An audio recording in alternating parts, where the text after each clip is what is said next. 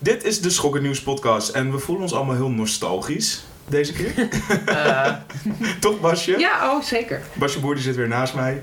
Welkom terug. Ja, we zitten ook met Julius Koetsier en met eh, Jasper ten Hoorn. Hallo. Hallo. En eh, we gaan het dus deze week hebben over, of deze maand gaan we het hebben over nostalgie in films. Eh, we zijn eh, bij het eh, Imagine Film Festival geweest, dat hebben we opgenomen, daar gaan we zo direct naartoe schakelen. En eh, we gaan een rondje zo direct doen. Zullen we daar maar meteen mee beginnen of zullen we eerst de, de leader muziek? Ja, doe even Ja, muziek hier. Gooi er maar in. Gooi er maar in Erik.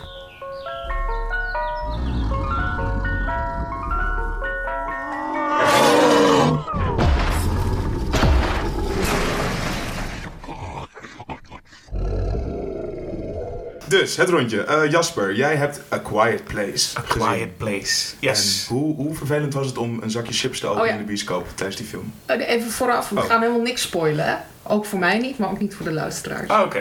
Dus dan, dan mag ik zeggen gewoon in één woord wat ik ervan vond. Nee, je mag wel wat zeggen, maar eh, Nou, ik kan in ieder geval één ding zeggen, want het was in april, hè, waren hele hete dagen. En ik besloot om op een van die hete dagen smiddags naar de bioscoop te gaan en naar deze film. En dat is eigenlijk een heel goed idee om te doen. Want dan is de zaal, nou, staat bijna niemand. Dus dan heb je die stilte automatisch al een beetje. En eh, ik las ook in de recensie van Marjan Westbroek op uh, Schokken Nieuws. Die gaf hetzelfde advies eigenlijk. Ga op een gek tijdstip naar deze film toe. Volle zaal kan ook. Maar je hebt inderdaad, wat jij ook al zegt, als je iets van beweging of iets, iets kraakt, dan voel je meteen een soort van, oh jee, ik mag eigenlijk geen geluid maken hier. ja, en je wordt je dan ook heel bewust van dat je in een film, dat, dat doet ook wat met je beleving van de film, kan ik me voorstellen. Ook Ja. als je zelf denkt van, oh ik maak herrie. Ja, en meestal doe ik dat sowieso, dat ik überhaupt niet te veel herrie wil maken, maar nu helemaal, en zeker als zo'n film ook stilvalt, en je probeert dat bij een actiescène, dat je dan denkt, oh nu kan ik gauw even iets openmaken. Ja. Eh, dan, dan moet je hier soms lang wachten eh, voordat je iets open kan maken. Want het is een hele stille film. Ja, maar wij, ik ben er ook heen geweest afgelopen week. Toen eh, ook op zo'n een van die warme dagen in de avond. Maar het was, de zaal was half vol, want het is natuurlijk nog steeds een populaire film. Eh, en toen kwamen er, het was eigenlijk was heel chill. En die film die begon en toen kwam er een hele luidruchtige groep binnen. En die gingen ook zitten en die waren echt aan het gillen naar elkaar. En aan het Zit doen. in de munt of In de munt, was het inderdaad. En die, ehm eh, toen op een gegeven moment werd de hele zaal werd helemaal gek. Echt letterlijk, iedereen begon tegen ze te schreeuwen. Verdomme, en hou jullie back. En als jullie een normale film kunnen kijken, dan moeten jullie nu wegwezen. En ik had ondertussen al een, eh, een sms'je gestuurd naar dat nummer van Pathé. Oh, ik vroeg me af, wie 369. doet dat ooit? Ja, dat Maar doe ik is- dus, Oh, ja. ik ben even heel benieuwd wat er nou gebeurt als je dat doet. SMS, dit, Dat is ook maar... vervelend Ja, puber. oké, wat, wat er dan dus gebeurt, wel leuk. Ik, krijg dus, eh, ik had dus gezegd, luidruchtige groep, met uitroepteken. En wat was het nummer? Want ik vergeet dat nummer altijd. 3669, het aan de, aan de zijkant van je toetsenbord. Dus 3669. Ah. En dan moet je wel even zeggen welke zaal je zit. Dus Ja. munt 1 zat ik in. Ja, munt 1. En dan, gaan het dus, eh, dan, dan, dan krijg je daarna een sms'je terug. Gewoon van een ander 06-nummer met waar zit die groep? Ik zit dood en zo van Liam Neeson. Die komt tekenen soort van. Maar goed, eh, en dan, eh, ja, dan, dan, komen, dan komen ze zaal in. En dan Dat ze- gebeurde dus? Ja, dat gebeurde. ja, Oh, ja. Maar tegen die tijd waren wij al met z'n allen uitgevallen tegen die groep. Dus het was, toen waren ze al stil. Toen ging ze nog een beetje zo giechelen. Maar toen hoorde je ook eentje zeggen... Hou nou je bek dicht, Brenda. Ze tegen een ander. ja, dus toen was het klaar. Maar goed, over de film. Wat vond je ervan? Ja, nou, ik zat dus in het hele rustige Amersfoort in een bijna lege zaal. Ehm, ik wist niet wat ik moest verwachten, want ik heb niks gezien. Dat probeer ik zoveel mogelijk nu bij films te doen. Dus ik wist echt alleen de titel. En er was één iemand die ooit zei, oh, die is cool. En toen dacht ik, oh, oeh, iets te veel spoilers. Dat wil ik eigenlijk al niet eens weten. Maar ik heb geen trailer gezien, ik wist niks. En ik vond het een bijzonder interessant concept. Überhaupt, dat ik dacht, oh, dit is, dit is heel fijn. Ik, ik, ik mag bijna niks zeggen, dus ik weet niet hoeveel Ja. Ja, Ehm, ja. Wat ik in ieder geval vanuit, ik dacht dat het vrij traditioneel ook zou zijn qua vertelling. Dat viel ook heel erg mee. Dat het best wel gewoon hoe het begint eigenlijk al. Nou, de, ehm, voor de mensen die de trailer gezien hebben, waarschijnlijk weet je dan al wel waar het zich afspeelt of hoe het zich afspeelt. Ehm, dat was allemaal heel verrassend. Eigenlijk wat er voor mij gebeurde was dat ik twee derde van de film echt dacht, wow, wat interessant. Oh, dit is, dit is leuk. Oh, dit, dit vind ik interessant. Alleen de climax, moet ik heel eerlijk zeggen, zat ik wel heel sterk een beetje van, ah, oké, ja, ja, oké, logisch, ja, oké, is ook logisch. De- voor mij werd het ineens een beetje meer formulefilm. Ja. Waarbij ik bij de, ja, dat ontbrak een beetje. Het begin was gewoon heel erg, ik wist niet waar het naartoe zou gaan. Ik wist niet hoe het zou, verder zou gaan lopen. Dus het enige wat ik kan zeggen is dat de climax voor mij een beetje, ja, had ik allemaal wel gezien. Je kunt het wel zien aankomen. Het is een beetje, Ja, ik, ik weet ook niet of ze iets anders hadden kunnen doen. En ik vond waar de film stopte, hiermee zeg ik als het goed is nog steeds niks voor, vond ik Ja. wel tof. dat vond ik persoonlijk ook wel tof. En daar Maar- hoor ik heel veel over. Van de laatste vijf seconden of zo. Dat Ja, mensen nou- daar lyrisch over zijn. Of juist, Of juist niet, iemand was nee. teleurgesteld ook. Ja, maar ik, ik moet Ik zeggen, ik vond, zelf, blij mee. ik vond het zelf ook wel tof. Maar eigenlijk gaat het voor mij meer net om die eh, minuten daarvoor. Of eigenlijk meer misschien een kwartiertje of zo daarvoor. Het wordt op een gegeven moment gewoon... Zit Ja, wat. Dan ga ik die film kijken en ik leg maar van, oh, de laatste vijf seconden zijn Ja. Nee, dat, dat, valt wel, eh, dat valt wel mee. Het is niet shocking. Het is gewoon meer dat je denkt, oh, oké. ja, er zijn echt, echt zo'n einde waarvan je kan denken, ja, de een vindt dit, de ander vindt dat. Maar eh, Ja. het gewoon, de, Statement ending. ja, er wordt ga, gaandeweg gewoon, wordt het gewoon wat, wat ja, zoals je het zou verwachten. En er zit zelfs iets, iets meer zoets in waar ik gewoon echt niet tegen kon. Of waar ik echt dacht, nah, doe dit nou niet. Eh, daarvoor was het gewoon allemaal best sterk. En dat vond ik gewoon heel fijn. Het is een simpele film die heel simpel gewoon ook heel cliché had kunnen zijn. Maar net door die ene twist van het verhaal, de stilte eigenlijk. Ja, het is iets heel moois. Gewoon ook weinig dialoog. Heel fijn eigenlijk. Ja, en er, en er zit wel wat eh, interessante dynamiek in dat gezin. Dat vind ik tof. Dat hebben ze wel, wel goed gedaan. Dat ze iets meer mogen doen van mij. Een paar personages vielen een beetje weg. Maar ik vond eh, bijvoorbeeld Emily Blunt. Is niet zo'n heel, er zit niet heel veel ontwikkeling in. Nee. Maar die kinderen zijn wel heel tof. En eh, een paar setstukken. Gewoon echt een paar scènes waarvan ik echt dacht... Lekker, daar hebben ze even goed uitgepakt. Ja. Wat, je, wat ook wel eens niet gebeurt in zo'n film. Dat ze denken, oké, het moet een klein intieme film zijn. Maar er zitten wel een paar knallers, knallende scènes tussen. Ja, en het is gewoon een, een gimmickfilm ook ergens. Hè. Het is gewoon, de gimmick is, is er. En eh, ehm, ik moet wel zeggen, ik weet niet eens hoeveel dat spoiler is. En anders knippen we dit er maar uit.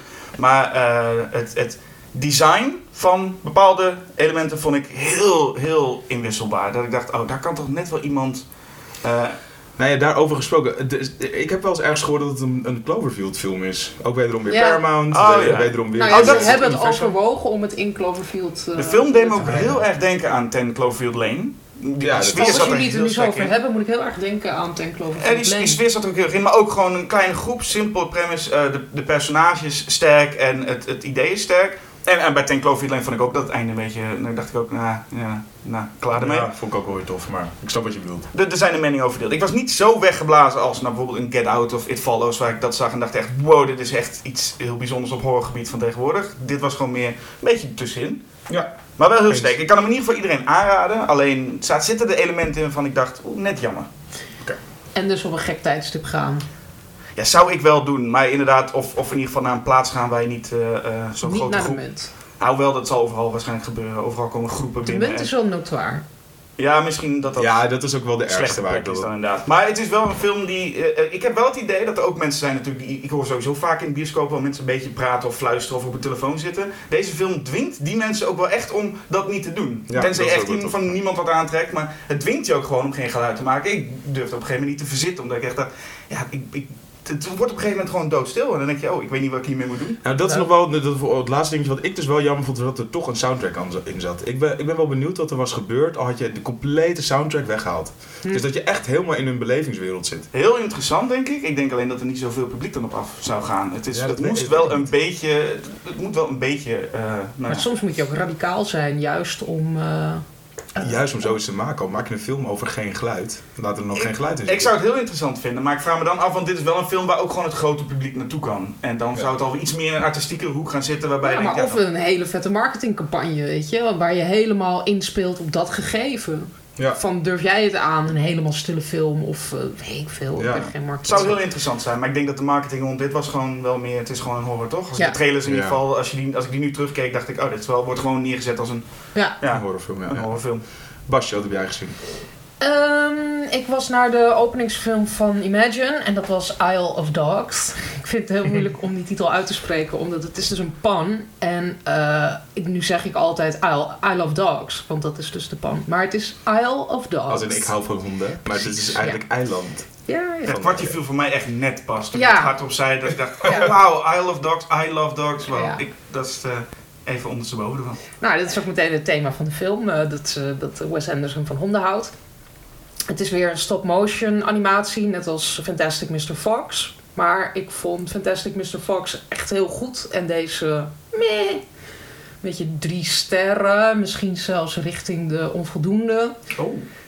Want het ziet er heel mooi uit en het ziet er ook alweer anders uit dan zijn andere films. Dus het is, nou ja, het is gewoon dat typische Wes Anderson, bijna OCD-achtige precies, precisie. En ehm, ja, weet niet hoe je dat moet uitleggen. Nee, dat, dat Wes Anderson-stijltje. Maar het is allemaal wat grijzer en het is toch gewoon anders. Dus dat waardeer ik er wel aan. Maar ik vond het wel... Het is wel heel zwart-wit. Het is heel ingevuld al door hem. Je kan niet echt een eigen gedachte erbij ontwikkelen. En dat maakt het dan een beetje, ja, maar een beetje vlak, een beetje kinderfilm. En dat was Fantastic Mr. Fox ook. Dus ik ben er ook nog niet over uit waarom ik die dan wel geslaagd vond. Maar die vond ik echt heel fijn. En dat komt helemaal op het einde, dat thema naar voren van eh, wat eigenlijk in veel van Wes Anderson's films zit. Eh, Een soort van wil je wild zijn of, of kies je voor beschaving? Dat is volgens mij waar al zijn films wel op zekere manier over gaan. En dat was in Fantastic Mr. Fox was het heel mooi tot het einde bewaard. En dan voel je dat echt. Dan zien ze zo'n wilde wolf rennen en dan... Nou, ik weet het niet. Dat, dat, dat raakte me toen wel. En dat is hier... Is dat de hele tijd het thema in de film? Want het gaat dan over... Ik weet het niet eens meer precies, maar... eh, de hoofdpersoon is eigenlijk de hoofdhond, is een, eh, eh, een zwerfhond en die wordt eigenlijk tam gedurende de film. Dat is geen spoiler per se. Ehm, dus die, die wordt een soort van beschaafd en dat gaat weer over, nou ja, wat ik net al zei. Ehm, maar ik vond het een beetje, ik voelde het niet. En, en eh, ja, ik, ik ben zelf niet zo'n fan van Wes Anderson, Mhm. sowieso. Ehm, is het, ligt dit dan, want Grand Budapest Hotel, zijn vorige film, is natuurlijk gigantisch geweest. Ja. Gaat dit nou bij deze film ook weer gebeuren? Is het, of is het iets meer niche? het is toch weer een wat kleinere film, denk ik. Je noemt het ook een kinderfilm. Is het Ja. echt voor... Nou, Heel leuk dat we blaffende hon- honden op de achtergrond horen. Oh ja, ik ja. weet niet of je dat als luisteraar hoort. maar- Ja, ik hoor het een beetje door mijn oortjes. Is het echt voor de kleine kinderen of moet je wel een bepaalde leeftijd hebben? Nee, als ik zeg kinderfilm, dan bedoel ik dat als een soort negatieve eh, ja, oordeel. Want zou je met je, met je zoontje of dochtertje van, van 6, Ja. 7 daar naartoe gaan? Is dat? Ja, hangt van het kind af natuurlijk. Maar het is niet per se heel ge- geweldig. Ja. Want ik kreeg wel, eh, op, op Imagine stond hij heel lang bovenaan in, Ja. in, de, in de Audience Award. Dus Ja. eh, het publiek heeft wel echt heel positief Ja. gereageerd. Hij heeft ook gewonnen, toch? ja, hij heeft Oh, heeft gewonnen. hij gewonnen? Oh, ik Ja. dacht dat Tigers Are Not Afraid Nee, was. Maar nee die is op twee geëindigd. Ehm, ja, nee, tuurlijk. Het is gewoon een, een toegankelijke film. Absoluut. Maar eh, als ik er kritisch naar kijk... Ik vond het ook grappig, want eh, Dan Hessler Forrest was ook bij die opening. En die zag ik daarna op Twitter eh, meteen zo'n oordeel geven. Die had meteen een recensie geschreven voor Letterboxd. En die had hem twee sterren gegeven. En die zei, dit is zo'n film waarbij je je afvraagt... is die regisseur eigenlijk wel zo goed? Toen dacht ik, ja, dat is inderdaad waar. En dat heb je inderdaad wel eens. Dan heb je zo één film en dan denk je, wacht eens even. Wat, was, wat waren die voor? Welke vond ik ook alweer wel goed? En nu vind ik Rushmore goed. En Fantastic Mr. Fox vind ik goed. Maar ik ging ook twijfelen. Dat ik dacht van... Ik, vind het, ik, ben, ik ben ook niet... Het idee van Wes Anderson vind ik leuk. Maar uiteindelijk vind ik hem net niet helemaal sterk genoeg... in wat hij dan probeert te vertellen of zo. Welke vinden jullie de beste Wes Anderson film? Zouden jullie een Julius versus Jasper moeten doen? Jasper versus Julius. Eh, eh, ja, Rushmore is denk ik mijn favoriet. Ja. Ja. Ik vind de Live Aquatic ook wel... eh, nou, die vind ik vooral heel onderschat. En ik vind het altijd leuk om een film te noemen die niet als de beste gezien wordt. Die, waarvan ik, ik toch wel vind dat die wat meer liefde verdient. Want ik heb niet zoveel met Grand Budapest Hotel. Wat Nee. een beetje zijn meest... eh, of in elk geval zijn enige film die voor beste film is genomineerd, toch? Bij de Oscars. Geen ja. idee. Ja, ja, volgens mij wel. Ja, dat, jij? ja die, Ik zou zelfs Mr. Fox zeggen ook. Ik ook. Ja. Ja, en daar hield hij. Hij werd heel erg in toom gehouden doordat hij eh, eh, met, met ander bronmateriaal werkte. Of hoe zeg je dat? Met gewoon iemand anders zijn tekst Ja. werkte. En dat, dat werkte bij hem gewoon heel erg goed. Ik wil nog wel zeggen over Isle, Isle of Dogs. Dat wat ik wel mooi vond, je hebt dan eh, ergens in het midden van de film een, een emotionele scène ehm, over dus die hond die, die een soort leert van mensen te houden. En dat is vooral als je zelf huisdieren hebt, vond ik dat heel ehm, goed getroffen. Omdat de liefde tussen een huisdier en een baasje is ook op heel weinig gebaseerd. Het is gewoon, je geeft je kat eten en daarom houdt hij van je. Maar dat is wel heel basaal. Want zo'n kat heeft niet veel, weet je, dat, dat eten is heel belangrijk. Ook voor mensen trouwens. Dus dat is gewoon een heel klein, dat, ik weet niet, dat was heel mooi getroffen. Dat gewoon je apporteert met zo'n hond en je geeft hem eten en dan is die liefde er al. En dat is niet weinig, dat is juist heel veel. En dat vond ik heel mooi in die film. Tof. En wat ook wat, trouwens vergeet, ik vergeet net Moonrise Kingdom. Dat vond ik ook een hele goeie. Ja. Wat ik Ja, wel, interessant vind aan de Wes Anderson films, en dat is in deze film misschien ook ergens wel zo, is dat je heel veel acteurs ziet in rollen die, waar je ze nooit in zou zien. Ja. Dus je krijgt ineens een Bruce Willis of Edward Norton in hele Oh, ja. gekke rollen. En dit is volgens mij deze film ook een enorme sterrencast Ja. eigenlijk. Waar misschien wel het grotendeel van het geld naartoe is gegaan. Ja. Maar nou, dan- volgens mij werken ze altijd voor een schijntje. Bill Murray zegt ze van, nou, eh, West, doen eh, voor jou. Ja, precies. Maar het is wel grappig, want ik wist niet meer precies wie er ook weer in die cast zaten. En sommige wist ik helemaal niet. En dan denk je, wie? Oh, dit is Tilda Swinton. Dit is heel leuk. Eh, of eh, Harvey Keitel. Dacht ik ineens van, ik ken die stem. En dit is zo'n herkenbare stem. En dan toch moet je even nadenken en denk je, ah, dit is Keitel. Ja, dit is zo... eh, ja, het Dat is, is wel het- je kan er wel heen hoor. Het is zo'n fijne film. Maar Ik heb ook een animatiefilm gezien. ik heb namelijk, hebben jullie ooit Paprika gezien? die anime, Ik wel? Ja, anime, ja, ja. Wat vond je daarvan? Ik vond hem goed. Eh, ik heb hem hier ook liggen op DVD trouwens, dus zo Ja, goed vond ik hem. Ik heb hem iets van drie keer gezien zelfs vroeger. Ja, het is dus, eh, ik, ik, had hem, ik heb heel vaak de eerste helft om de een of andere reden gekeken en daarna nooit meer verder gekeken. Ik weet niet waarom, maar ik had dus ook op DVD liggen. En gisteren was ik in zo'n zo'n lekker vage hangbuik thuis. Ik dacht, het was midden in de nacht en ik dacht, ik ga Paprika kijken. Ik heb het tot het einde gered, yes. Ik vond hem wel eh, een beetje wiebelig naar, richting het einde toe. Dan wordt het een beetje... ehm, de focus ligt heel erg op dat droom. Het, eh, Oké, het gaat over een meisje die een soort van ehm, eh, inspecteur is voor dromen. Je moet me, correct me if I'm, if I'm. Nou, het verhaal moet ik zeggen, Is heel- ook altijd, heb ik ik voor mij nooit helemaal kunnen volgen. Want op een gegeven moment wordt het zo, eh eh Ja, er, wordt dus zoveel tegelijk. Ja, er worden dus mensen, daar, daar wordt bij ingebroken in hun dromen. En die worden, komen ineens in een soort van rare, ehm, rare manie terecht. Of die gaan ineens een straat op en plegen massaal zelfmoord en dat soort, eh, dat soort zaken. En dat komt dus omdat iemand in een droom aan het inbreken is via een soort van systeempje. Een beetje à la Inception, waar ik zo nog wel op terugkom. Hij is Eh, van voor Inception, hè? hij is van voor Inception, ja. ja, ja. Dat, en dat is volgens mij ook de grote inspiratiebron geweest van Christopher Nolan. Zonder dat hij dat ooit heeft gezegd. Wat een beetje bij de hand is. Want sommige scènes zijn Ja. één op één gekopieerd uit Ja. Paprika. En beroemde, of zo, als, als jij nog, maar dat, dat beroemde shot eh, uit Inception, dat je zo, zeg maar, dat het, dat het glas breekt. Ja, weet je wel? Dat iemand zijn hand vooruit steekt en dat dan de hele lucht en de straat een soort afbeelding van glas blijkt te zijn. Dat heeft hij gewoon uit Paprika. Ja, dat is, maar dat is, toch- dat is toch heel gek? Jezus, Ja. dat, eh, ik wist let- niet dat het zo ver ging. Nou, er zit ook in het begin een eh, soort van scène waarin iemand dus in een droom probeert uit zijn droom te ontsnappen en dan een, een, een, een hotelhal inrent. En dan gaat die hele, dat, begint helemaal te draaien. Ja. Nou, dat is gewoon Dat is die scène met eh, Leo en Joseph Gordon-Levitt. Maar het is een, eh, het is een interessante film. Het is, die, die, die regisseur is eh, vlak na Paprika eh, overleden. Die was heel ziek. Dus die had vier films gemaakt in totaal. En dat was ook echt wel een beetje de grote belofte op het gebied van anime. En van zo'n van mindfuck-achtige films. Je moet heel erg je, je, je gedachten erbij houden. Want je kan niet... ik ging op een gegeven moment heel veel op WhatsApp en ik was meteen het verhaal kwijt. Dat moet je dus niet doen. En het, ja, het ziet er allemaal fantastisch uit. Het gaat over een vrouw die dus die naar die droom onderzoek doet. En als haar alter ego Paprika die dromen ingaat en mensen probeert te helpen. En ehm, die dromen zien er fantastisch uit. Het is gewoon één grote soort van parade van objecten en, super trippy. En, ja, het, is, ja, het is gewoon een hele, hele tof film.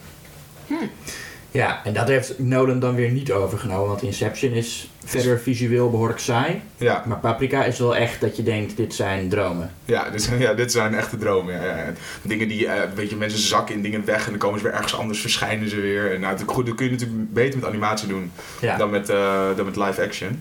Maar eh, interessant, want ik heb bijvoorbeeld Inception heb ik zelf maar één keer gezien. Ja, ik ook. In de bioscoop. En ik vond het een hele vette film. Ik zat echt zo, ik zat erin en ik kwam uit. Ik dacht, nou, ik heb echt wel een toffe film gezien. En daarna nog twee pogingen gedaan om weer te kijken. En nooit meer doorheen gekomen. Hm. Ik vind het gewoon eigenlijk toch niet zo'n boeiende film op de Ik een heb of andere ook manier. totaal geen behoefte om hem nog een keer te zien. Maar is dat bij, eh, hebben jullie dat bij alle Nolan films? Ja, wel een beetje. Bij de meeste wel. Gek hè? Nolan is Nou ook ja. zo iemand waarvan ik altijd twijfel of ik hem wel echt goed vind. Ja. Natuurlijk, hij kan wel, dus dat staat, bui- staat buiten kijf. Maar, of hij, ja, Hij is heel goed in, dat, in, in het overweldigende. Ja. Eh, als je het in de bioscoop ziet vooral. eh, eh, dat je echt denkt van oké, hier is echt een grote film. Wat ik bijvoorbeeld niet heb bij, bij eh, de meeste Marvel films of zo. Die vind ik wel leuk. Maar heb ik niet echt dat overweldigende gevoel dat hij nee, zelfs gewoon in dialoogscènes eh weet over te brengen. Ja goed, dat, daarom is ook The Dark Knight wel een erg onderhoudende, mooi gemaakte Ja. actiefilm. Ja. Die juist werkt op het grote scherm. Maar goed, Paprika, heel vet. Ga maar kijken. Julius. ja, ik heb Ghost Stories gezien. Dus de slotfilm van Imagine. Oh ja, We hadden dit jaar al A Ghost Story, of vorig jaar. Maar nu heb je dus nog een paar. Ja. Eh, het is heel anders. Het is, een, het is een, een, een best wel nostalgische film ook. Naar eh, eh, die portmanteau films. Ik weet niet of, je- of jullie die, daar een beetje bekend mee zijn, maar Eh, die, dat, eh, dat op een gegeven moment in de jaren 70 was het in, in, eh, eh, in Engeland of in het Verenigd Koninkrijk wel populair om portmanteau horrorfilms te maken. Dus vier of, of drie, meestal vier korte verhaaltjes met een eh, omlijsting, een raamvertelling. En daar zaten vaak ook grote acteurs in, omdat die het allemaal. Die, die konden, omdat- ze maar in één verhaaltje zaten van eh, 20 minuten of zo, konden ze dan die acteurs betalen. ja. Nou ja, die traditie, daar is eh, eh, Ghost Stories eh, op gebaseerd. Of, hij- het is ook, was eerst een toneelstuk en is, toen, is nu een film van Jeremy Dyson en Andy Nyman. Jeremy Dyson is het niet acterende lid van de League of Gentlemen, Hmm. als je dat wat zegt. Ja, Ja. ja, zeker. En nou ja, die hebben dus nu de film met, met ook op dezelfde manier grote acteurs die dan een heel klein Martin Freeman zit erin. Ehm, en het is heel erg nostalgisch en ook wel echt volgens het boekje. In, in het, in het, in het, eh, in het, in het wraparound eh, verhaal doen ze een klein beetje een twist. Waarvan ze ook heel erg eh, iedereen op het hart drukte die vooral niet te spoilen. Want ze waren er zelf bij, bij de vertoning. Dus dat zal ik ook niet doen. Eh, maar verder is het ja, behoorlijk conventionele horrorverhaaltjes die ja, wel, wel goed gemaakt zijn. Het zit gewoon wel goed in elkaar. Het leek mij wel leuk en juist ook omdat ik dacht van volgens mij is het redelijk conventioneel en soms vind ik dat gewoon lekker. Gewoon, Ja, nee, het is echt precies eh, wat, wat op het etiket staat. ja. Maar ik zou hem wel in de winter dan willen zien eigenlijk. niet op een zonnige dag. Ja, nee, dat hoort wel. Want het is ook, je had, eh, vroeger had je op de BBC altijd die Ja. Christmas Ghost Stories. En dat, dit is gewoon... Ze verwijzen ook heel vaak eh, eh, naar die oude Britse BBC TV-versies. Er is één shot in dat heel duidelijk op de originele Woman in Black eh, gebaseerd is. Ja. Ehm, dus het is wel vol met verwijzingen. Waarvan je soms kan afvragen, als je die verwijzingen ziet, haalt dat je dan niet een beetje uit het verhaal? Ja. Dat had ik tenminste. Een paar keer. Ik heb afgelopen kerst heb ik Ghost Watch gekeken. Heb je die wel eens gezien van BBC? Ja. Dit is een soort van... eh, soort Ja, ik van wil het graag zien een keer. die ja. paranormal activity-achtige... Ja. en- en ze hebben het destijds uitgezonden. Volgens mij hebben we het hier ook een keertje over Ja, gehad hebben we het toch? Ja. Ja. Ja, het wordt uitgezonden als een special, kerstspecial, maar dan wordt een huis besproken. Best tof. Met de kerstaflevering hadden we het hier over. Ja. Ja. Maar ik, heb hier nog, ik had hier nog niet van gehoord, maar is het een soort anthology film dan? Ja. Zoals, dus een beetje creepshow-achtig, dat soort. Ja, ja, ja. Eh. Portmanteau is het nette woord voor eh anthology. Oh, oké. zo Ja, ik ben, ik ben van de nette woorden. Oké, akkoord. Maar het is dat, want ik, die miste ik Ja. eigenlijk al een beetje. Dat ik dacht, oh, dat, waar is dat gebleven, die anthology Nou films? ja, hier dus. Ja, Dit is hem. Veel leuk concept. Maar dat is de, er was ook echt zo'n zo'n anthology-hype, toch? La- la- met ehm, de ABC of Death. Ja, en VHS. VHS. En oh, die heb ik nooit gezien, maar die zijn, zijn er dus nog wel. Ja, VHS is heel tof ook. Moet ja maar die, die ABC, of zijn er niet, is er ook eentje waar gewoon echt filmpjes van twee minuten in zitten? Ja, dat is ABC. Dat, zijn er ABC. 26. Oh, Het hele alfabet gaan ze af. De ABC's of Death. Hey, Hey. Ik leer wat over Dogs. vandaag. ja. Deze epiphanies voor Jasper. Ja. Zo. Jaws, weet je dat al? Jaws gaat over, dat zijn die kaken. Nee, ze heet de haai. Haai heet de Jaws. Ik dacht dat ja, hij zou heten. Oké, volgens mij moeten we... We gaan, ook nog luisteren naar een column. Ehm, laten we beginnen met die van Hedwig. Dit is Hedwig met Blast from the Past. Vanaf 3 mei is Unsane in de bioscoop. Dat is de film die Steven Soderbergh maakte geheel met een iPhone. Misschien hebben sommige van de luisteraars hem ook al gezien op het Imagine. De film gaat over een vrouw die per ongeluk akkoord gaat met eh, opname in een mentaal hospitaal. En dan komt ze er niet meer uit. Het eh, programmaboekje heeft het over een pulpy film met echo's van de rauwe thrillers uit de jaren 70. Toch eh, ga ik niet naar de jaren 70 in deze Blast from the Past. Ik ga wat verder terug in de tijd, naar de jaren 60, 1963. Ik wil het namelijk hebben over de beste film die zich afspeelt in een psychiatrisch ziekenhuis. En nee, dat is niet eh, One Flew Over the Cuckoo's Nest. Ik wil het namelijk hebben over Shock Corridor van Sam Fuller. Maar ja, voordat ik het over die film heb, even wat anders. Ik wil het eerst namelijk even hebben over Catch-22. Nou, de term heb je misschien wel eens gehoord. Dat gaat over een soort eh, situatie waar je twee keuzes hebt die paradoxaal zijn. In het boek Catch-22 en ook in de daarop gebaseerde film gaat het om een heel specifieke situatie. Het speelt zich namelijk af tijdens de Tweede Wereldoorlog. En dan is het zo dat als je maar gek genoeg bent en je wordt gek beoordeeld, dan mag je naar huis. Maar ja, om gek tot gek bestempeld te worden, moet je wel vragen om een evaluatie. En alleen al vragen om een evaluatie geeft blijk van uh, een, eigenlijk een heel mentaal gezonde wens om niet meer te hoeven vechten. Dus het vragen om een evaluatie van je mentale gezondheid zorgt ervoor dat je dan nooit gek gevonden kan worden. En als je natuurlijk niet vraagt om de evaluatie, ook niet. Nou, de psychiatrische ziekenhuizen die je ziet in films geldt eigenlijk een soort tegenovergestelde catch-22. Want als je mentaal gezond bent, dan hoef je daar niet te zitten. Maar als je er eenmaal bent, dan is het zo dat hoe harder je je best doet om niet gek te lijken, hoe gestoorder je overkomt. En misschien word je dat geleidelijk ook wel. Nou, zo kunnen we ook Shock Corridor bekijken. Het is uh, eigenlijk uh, vooral een interessante film, omdat het hier een bewuste keuze is van de hoofdpersoon, John Barrett, om opgenomen te worden. Sterker nog, hij uh, studeert erop met zijn baas, met een ervaren psychiater, want hij wil zo overtuigend mogelijk overkomen als iemand die een incestueuze obsessie heeft met zijn zus. En zijn vriendin Kathy die moet dan die zus spelen. Daar heeft ze niet zo'n zin in. Ze ziet wat haken en ogen aan het plan, maar uiteindelijk wordt ze toch overtuigd. Want waarom wil John zo nodig naar het gekkenhuis? Nou, hij is journalist. Er is in dat ziekenhuis iemand vermoord. Drie psychiatrische patiënten hebben het zien gebeuren. En John wil dus achterhalen wie de moord heeft gepleegd. En daarmee een Pulitzer winnen.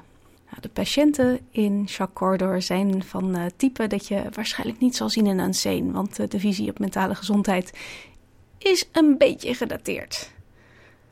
Vroeger dachten ze kennelijk dat als je gek was, je vaak dacht dat je iemand anders was. De kamergenoot van Johnny bijvoorbeeld, die denkt dat hij Pagliacci is. En die zingt dus dag en nacht opera. De eerste getuige die denkt dat hij een generaal was in de Confederacy tijdens de burgeroorlog in Amerika. De tweede getuige is een zwarte man die uh, racistische haat spuit en denkt dat hij de KKK opgericht heeft.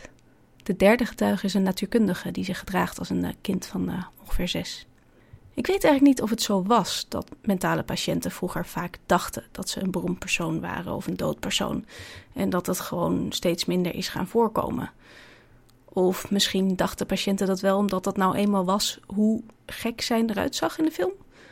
Het kan natuurlijk ook een pure filmuitvinding zijn waar vanaf gestapt is toen uh, een iets genuanceerder begrip kwam voor mentale gezondheid. En het is ook weer zo. Sam Fuller heeft zich nooit zo verschrikkelijk bekommerd om realisme.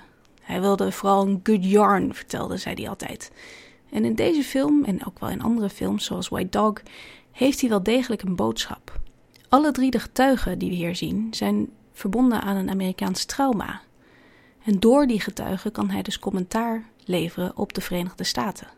De eerste man die is opgegroeid met discriminatie en die is getraumatiseerd door de oorlog in Korea. De zwarte man, dat was een van de eerste zwarte studenten op een Amerikaanse universiteit die gedwongen gedesegregeerd moest worden. En de natuurkundige, je raadt het al, die werkte mee aan het ontwikkelen van de kernbom. Het zal je niet verbazen dat Johnny wat overhoudt aan zijn ervaringen in het ziekenhuis. En dat uh, komt niet omdat hij belaagd wordt door een hele kudde nymphomane dames in een van de minder geslaagde scènes van de film. Aan het einde krijgt hij zijn scoop, maar dat gaat ten koste van zijn gezond verstand. Kathy, zijn vriendin, had gewoon gelijk. Sowieso moet je Kathy, die gespeeld wordt door Constance Towers, niet vergeten. Als we het hebben over de interessante personages in deze film. Ze is namelijk een stripper, of nou ja, she sings in her skin, zegt Johnny het. Maar hoe dat verbeeld wordt, is toch wel wat ja, anders dan we gewend zijn. Zo uh, heeft ze collega-strippers die uh, nogal bits doen over het feit dat ze zich niet helemaal uitkleedt tijdens het strippen. En dat doen ze dan terwijl ze ondertussen relaxed aan het breien zijn achter de schermen. Hierin is de film dus eigenlijk ergens wel progressief. Kathy stript om het geld. En dat wordt gezien als iets dat op zich best te begrijpen is en ook niet moreel verderfelijk. Zij is eigenlijk het morele kompas van de film. De baas van Johnny weet van haar baan, zijn psychiater weet het ook. Eigenlijk is Johnny degene die het meeste moeite mee heeft dat ze zich deels uitkleedt op haar werk. De rest van de mannen in die film die lijkt het een beetje als gegeven aan te nemen. Het verstand van Kathy, daar wordt geen moment aan getwijfeld. Ik denk dat als, als Sam Fuller nog levend en actief zou zijn, hij ook best een film had geprobeerd te maken met een iPhone. Het ging hem namelijk nooit zo over om artistieke pretentie of hoogdravende technische trucjes. Hij wilde gewoon dat goede verhaal vertellen. En dat deed hij dan wel heel kunstzinnig. Met eh, prachtige shots en in deze film ook abrupte wisselingen van zwart-wit naar kleur. En eh, allerlei eh, heel knappe dubbele projecties. Maar uiteindelijk gaat het hem om dat verhaal. Soderbergh is een heel ander soort regisseur. Hij eh, lijkt wel snel verveeld. Hij wil in elke film een nieuwe uitdaging of een nieuwe gimmick of gewoon iets uitproberen. Ergens lijken ze toch ook wel op elkaar, Soderbergh en Fuller. Ze laten zich namelijk niet beperken tot één genre of stijl. En ze zijn ook niet bang voor een vleugje pulp, als het maar een goed verhaal oplevert. Toch betwijfel ik of Unsane zich kan meten met Shock Corridor. Want die film die is nog steeds verbazingwekkend rauw, relevant en spannend. Dit was Hedwig met Blast from the Past. Terug naar de rest van de podcast. Hallo allemaal. Ehm, ik ben Basje Boer, ik ben filmjournalist en schrijver. En ehm, elke avond presenteer ik hier de Imagine Late Night Talk Show. En vanavond gaan we dat een beetje anders doen. We gaan namelijk de Schok het Nieuws podcast opnemen. Dat is een maandelijke podcast van het tijdschrift Schok het Nieuws. Ehm, dus het, wordt, het is een beetje anders. We hebben de bank eh, verwijderd. Eh, eh, de gasten die, die straks hier gaan plaatsnemen, die zitten ook een beetje aso met hun rug naar jullie toe. Maar dat, dat hoort er dan maar bij. Maar jullie kunnen wel meeluisteren naar ons gesprek. We gaan het hebben over nostalgie. Uh, in film, uh, specifiek in het programma van het festival, maar ook in uh, de films die tegenwoordig uitkomen. Dus denk aan bijvoorbeeld Ready Player One, maar ook naar al die klassiekers die de Amsterdamse filmtheaters overspoelen en ook elders in het land, et cetera. Daarover gaan we praten met uh, de jongens van Straight to Video. Een, uh, die uh, VHS-klassiekers vertonen in Lab 111. En die gisteren hier dat ook hebben gedaan op Imagine. Daar gaan we straks mee in gesprek. Maar eerst wil ik vragen of Phil van Tongeren op het podium wil komen. En dan gaan we met hem praten over specifiek nostalgie in het programma van Imagine. Applaus voor Phil. Je kan deze microfoon gebruiken. Okay. Wij delen een microfoon. Yep. Kijken of dat een beetje goed gaat. Ja. Phil, hoe, hoe, ga, hoe loopt het festival tot nu toe? We zijn op goed. de derde dag. ja, uh, goed. Ik zie volle zalen. Uh, dus het loopt goed wat mij betreft. Ja. Want het is alweer de, hoeveelste editie? De... Uh, vier, vier, 34ste geloof ik. 34 ja, 34ste. En jij bent er vanaf het begin bij betrokken geweest, toch? Nou, bij, uh... laat ik het zo zeggen. Ik, uh, het festival werd aangekondigd in 1984 en ik uh, schreef toen voor een Amsterdamse uitgaansblaadje. En toen dacht ik, nou, misschien moet ik die organisator maar eens interviewen. En dat was natuurlijk Jan Doensen. En um, naar hem toe gegaan, interview gedaan samen met iemand, iemand anders. En het klikte wel tussen Jan en mij. We hadden een beetje dezelfde smaak. Uh, toen werd hij jarig. Toen ben ik op zijn verjaardag gekomen met een groot broodmes. à la Halloween, zeg maar, Michael Myers. Nostalgie. En sindsdien uh, zijn we beste vrienden, zal ik, maar, zal ik maar zeggen. Ja. Waar is Jan? Dus is hij niet in het publiek om je te nee, kijken in de Schokkend verrader. Jan doet uh, intelligentere dingen waarschijnlijk momenteel. Maar uh, nee, zo is het gekomen. En in, vanaf 1985 ben ik mm, min of meer betrokken geraakt bij het festival. Eerst stukjes voor de catalogus. En de programmeren was toen iets anders dan nu, laat ik het zo zeggen. Hey, maar als we het toch over nostalgie hebben, wat, wat zijn nou echt van die lekkere, vette verhalen uit de begintijd? Waar we ons, uh, aan, weet je, waar we dat nostalgische gevoel van krijgen. Oh, uh, Dingen die nu niet meer zouden kunnen, misschien wel. Dingen, even kijken. Nou ja, ik kan me wel een aantal uh, incidenten herinneren. Uh, die zijn dan vaak een beetje wat, wat, wat ruwer. bijvoorbeeld toen wij in Tuschinski zaten. Ik kan me herinneren dat er dan nog wel eens volle blikjes van het balkon werden gegooid. En dan op een gegeven moment gaan de deuren open. En dan komt er iemand met een bebloed hoofd naar buiten wankelen. En als je, als je op je hoofd wordt geslagen, dan komt altijd extra veel bloed. Ja. En als je gedronken hebt, al helemaal. Ja. En toen dacht Was dit de Night of Terror of gewoon Nee, random? de weekend, de weekend of Oh, de Terror. Weekend of The Terror Weekend of Terror. En ja, in eerste instantie denk je dan, oh, dat is iemand die heeft een leuk special effect laten maken. Die maakt ons nu aan het schrikken. Maar dat was niet zo. maar goed, dan komt er, dan komt er even een uh, ambulance bij. En dan blijkt het uiteindelijk uh, niks voor te stellen. En diegene is ook weer gewoon de zaal ingegaan. Ja, ja, ja. ja. Nou, dat kan me herinneren. En er is ook een uh, berucht, nou berucht, maar zo'n incidentje met uh, Stuart Gordon geweest, de regisseur van Reanimator. Ja. Die was helemaal niet gewend aan die, uh, aan die sfeer op dat festival bij ons. Die werd, die werd op het podium geïnterviewd door Jan en bekogeld met M&M's, meen ik. Nou, die, die, vlucht, die vluchtte echt weg. En wij konden de volgende ochtend ook helemaal niet meer vinden in zijn hotel. En hij was min of meer ondergedoken, want dit was hem nog nooit overkomen. Huh. Nou, dan heb je de bekende verhalen over Roger Corman die oud, oud ging uh, door het gebruik van te veel wiet. Of wat was het ook alweer? Hash, uh, las ik. Hash. Op, op, welke plek was dat? Ik ken het verhaal niet. In een koffieshop. Oh, hij ging oud in de koffieshop. Ja, en dat is okay. natuurlijk altijd een probleem voor buitenlanders. Dat, uh, die zijn dan waarschijnlijk gewend aan het slappe spul dat ze in hun eigen land kunnen krijgen. En hier is het allemaal veel sterker. Dus ja, Corman wilde het per se gebruiken. En hij was toen al bejaard. Of, uh... Ja, nee, natuurlijk. Want ik weet niet meer hoe lang het geleden is. Maar toen was hij al dik in de 70, zeker. Ja. Ja. Want hij is nu volgens mij ergens in de 90. Ja, ja precies. Ja. dat zijn de wilde verhalen waar, dat zijn we, wilde verhalen, ja. waar we blij van worden. Ja. Hey, en wat was nostalgie in de jaren 80? Wat was er toen um, uh, uh, populair uh, onder, als nostalgie? Als nostalgie in de jaren 80? Nou, Dingen uit de jaren 60 misschien. nou, ik ben, al, ik ben zelf altijd wel heel, heel erg geïnteresseerd geweest in de geschiedenis van het hele genre. Uh, maar voor de meeste mensen gold het eigenlijk helemaal niet. Nee, de, de, nostalgie is echt meer iets van later datum, denk ik hoor, eerlijk gezegd. We kijken nu bijvoorbeeld terug naar de films uit de jaren 80, die slashers. En die zijn dan weliswaar on, ontzettend slecht. Uh, of niet, maar over het algemeen. Maar daar kijk je nu toch met een soort vertederd gevoel op terug. Hè, ik, uh, de heren hier hebben gisteren uh, straight, Straight, video, ja. straight video gedaan. Ja, dat zijn dan toch niet de allerbeste films, maar ook mede Daar gaan we het straks nog over hebben. Hè? Mede door de kwaliteit van het beeld, et cetera, uh, brengt het gewoon weer warme gevoelens uh, teweeg. Ja. Ja. maar nostalgie is eigenlijk iets nieuws, misschien. Mm, de- nou, als je het hebt over film. Nou, dat is natuurlijk niet waar, want uh, bijvoorbeeld zo'n film als uh, Grease speelde heel erg in op de jaren 50. Blijkbaar en American Graffiti. Ja, en blijkbaar waren in de jaren 70 verlangde men weer terug naar de eenvoud van de jaren 50. Ja. Kan ik me ook wel iets bij voorstellen. Het zal ook iets te maken hebben met maatschappelijke situaties. Wellicht.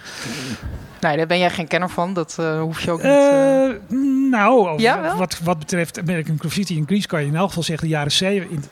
Films die gemaakt zijn in de jaren 70, eh, post-Watergate bijvoorbeeld, dat je terug verlangde naar de eenvoud van voor de moord op Kennedy. Toen de wereld nog niet vol zat met complotten en et cetera. Ja. En, en wat zou dan daar, wat is daar nu een beetje de... Het, Het equivalent van, ja. ja.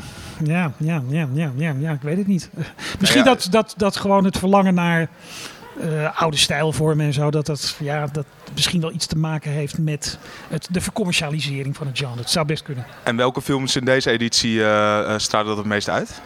Nou, ik vind bijvoorbeeld uh, Laissez Bronzé, uh, Bronzé le Cadavre is natuurlijk typisch een film die heel erg door en voor fans is, is gemaakt. dat die van de makers van Amer? Ja, ja, ja. En dat is heel erg end op uh, stijlen uit de jaren 70 van de, van de, van de Italiaanse politiefilms, uh, van de, de westerns. Niet, niet echt specifiek de, de spaghetti western, maar wel de western. En daarvoor hebben ze nu de Giallo onder handen genomen. Ja. ja. ja, zij zijn daar heel erg mee bezig. Ja. Maar geven daar in jouw uh, mening wel een nieuwe twist aan? Of, of Absoluut, omdat ja. het heel erg stijl over content is, maar op zo'n ongelooflijk extreme manier. Niet, niet à la Tarantino, die het min of meer met een knipoog allemaal doet. Maar voor hun is dat gewoon de essentie van wat zij als film beschouwen. En uh, verhaal zit er, zit er wel in, maar dat, is gewoon, dat staat niet voorop. En uh, ja, het is bij, bijna een soort avant-gardistische manier uh, om die oude, die oude invloeden te verwerken. Ja, en wat is dan de meest vernieuwende film op het festival dit jaar? Ja, het is een vreselijke vraag, maar misschien heb je Ja. een antwoord. Uh, nee, ik heb geloof ik geen antwoord, nee. Op zich vind ik zo'n film wel... Het, uh, het is geen borderline im imagined film, maar het is wel... Het is bijna videokunst wat, wat, wat, wat Forzani en Katé maken. Ja. Ja, dat wel. Dus dat, op, het is... Aan de ene kant grijpt het terug op oude stijl. Aan de andere kant is het op, is het ook wel weer vernieuwend. Ja. Ja. Ja, wat mij ook nog wel opviel, en ik heb het zelf moeten missen, maar gisteren had je, eh, gisteren had je Ross Sutherland, die een soort performance deed bij VHS-beelden, wat eigenlijk weer heel persoonlijk nostalgisch Oh was. Ja. Met een soort videobeelden uit zijn jeugd, dat je zo zelf opgenomen en daar spoelt hij dan doorheen. Nou, ik heb het dus niet gezien. Ik ook niet. Dat vond ik ook wel een interessant, eh, eh, op papier althans, ehm, een mengvorm van iets heel nieuws. Een soort kruising tussen theater en een soort spoken word. En, eh, en film. En, en die, die nostalgie naar vroeger films opnemen en die oude, oude films. Ja, dat is, ik, ik heb het niet gezien, maar dat is toch een beetje een jammer. autobiografische Ja. show ook, Ja. die je geeft. Ja, ja. Het is ook alweer, dus die nostalgie zit ik nu hard op te denken, kan misschien ook juist een soort nieuwe grenzen opzoeken. Ja, nou ja, kijk, het is sowieso natuurlijk een heel actueel onderwerp, dat hele no- nostalgie. Ik weet niet, eh, ik heb laatst dat essay zitten lezen van Molly Ringwald in, eh, op de, de website van de New Yorker. Over de Breakfast Club. Gaat over de eh, Breakfast, Breakfast Club. En dat je tegenwoordig wel heel, met hele andere ogen kijkt naar films die je toen als onschuldig of zelfs vooruitstrevend zag. Want John Hughes was wel de eerste die de tieners serieus nam. Ja. Maar Molly Ringwald heeft nog eens gekeken naar die films en ze is hem heel erg dankbaar daarvoor dat hij haar die mogelijkheden heeft gegeven om te debuteren. Maar aan de andere kant, eh, ze heeft er toch een beetje ambivalente gevoelens bij. Eh, dus dat is ook weer een manier om naar het, naar het verleden te kijken. En, en zie je na zoveel edities van Imagine gewoon, je ziet natuurlijk ook een bepaalde, eh, bepaalde dingen weer terugkomen. Ik bedoel, heel veel remakes natuurlijk eh, in, de, in het genre. Ja, dat doen we bijna niet aan, hè? Dat, nee. Waar- waarom programmeer je dat dan bijvoorbeeld niet? Nee, dit was maar een beetje Oh. een grapje als het, een goede, als het een goede remake is. Wij hebben natuurlijk toevallig eh, in, de, in het Cinema Exotiek programma hebben twee remakes. En dat zijn twee, meteen twee van de allerbeste die er ooit gemaakt zijn wat mij betreft. The Invasion of the? Body Snatchers en The Fly. Oh, The Fly. Ja, Ja, ja, Nee, dus ik heb op zich niks tegen remakes hoor. Als het maar, weet je, een, toch een, een, een, het, nou, het oude verhaal weer een nieuwe inhoud geeft. En dat doet Invasion of the Body Snatchers, die versie uit 1978, meen ik. Dat is ook weer typisch een post-Watergate eh, ver- verhaal. En The Fly eh, is wel eens geïnterpreteerd als een soort allegorie voor AIDS. En nou, ontkent dat zelf, vind ik ook allemaal verder prima. Maar je kan het er wel in, in lezen. En als zo'n zo'n film, zo'n oud verhaal een nieuwe betekenis krijgt, dan vind ik het volkomen gerechtvaardigd om, om zo'n film weer te programmeren. En vind je ook dat bepaalde subgenres nu wel gewoon gedaan zijn? Dat die gewoon, dat, dat genoeg is Nee. geweest met vampiers? Nee, Zeg maar nee, nee. nee, dat denk ik elk jaar weer met, eh, met zombiefilms. En dan Ja. blijken er toch steeds weer mensen te zijn die daar ook weer een nieuwe inhoud aan geven. We hebben bijvoorbeeld The Cured. Eh, die, krijgen die wordt zo vertoond. En dat is, is een film waarin de zombies, nou, ze worden geen zombies genoemd, maar er zijn een soort zombies, genezen worden van hun aandoening. En dan ook nog eh wroeging krijgen over wat ze hebben gedaan. Nou, dat hebben we nog niet eerder gezien. Nee. We hebben bijvoorbeeld Les Affamés. Dat is dan wel een wat, misschien wat eh conventioneler film in dat genre, maar weer niet qua stijl. Hadden een paar jaar geleden hadden de Battery over twee, twee honkballers die het opnemen tegen wat zombies. Toen dacht je ook, nou, dit is ook wel weer helemaal. Zo heb ik het ook nog nooit gezien. Eh, we hadden Warm Bodies, waarin eh, een, een, een levende en een ondode verliefd op elkaar worden. Nou, je kan, je kan eeuwig doorgaan met het genre volgens mij. Er zijn altijd wel weer mensen die daar een nieuwe invalshoek op bedenken. En een nieuwe invalshoek qua slasher? Ik bedoel, je hebt nu Tragedy Girls draaien. Die heb ik even niet gezien. Oh. nou, het lijkt me een lastige genre, maar ik denk wel, dat je, ja, natuurlijk, je kan met alle, alle subgenres kan je Ja. eeuwig uit de voeten. Ehm, heb je nog een laatste vraag, Tim? Nee, ik weet nu alles over nostalgie. Oké, prima. ja, de- van deze kenner. Veel dankjewel. Niks te danken. Joep. Succes. Ik wilde vragen of Erik van der Woude en eh, ehm, Willem van Rossum eh, op, ja, op het podium willen komen. Eh, ja, applaus.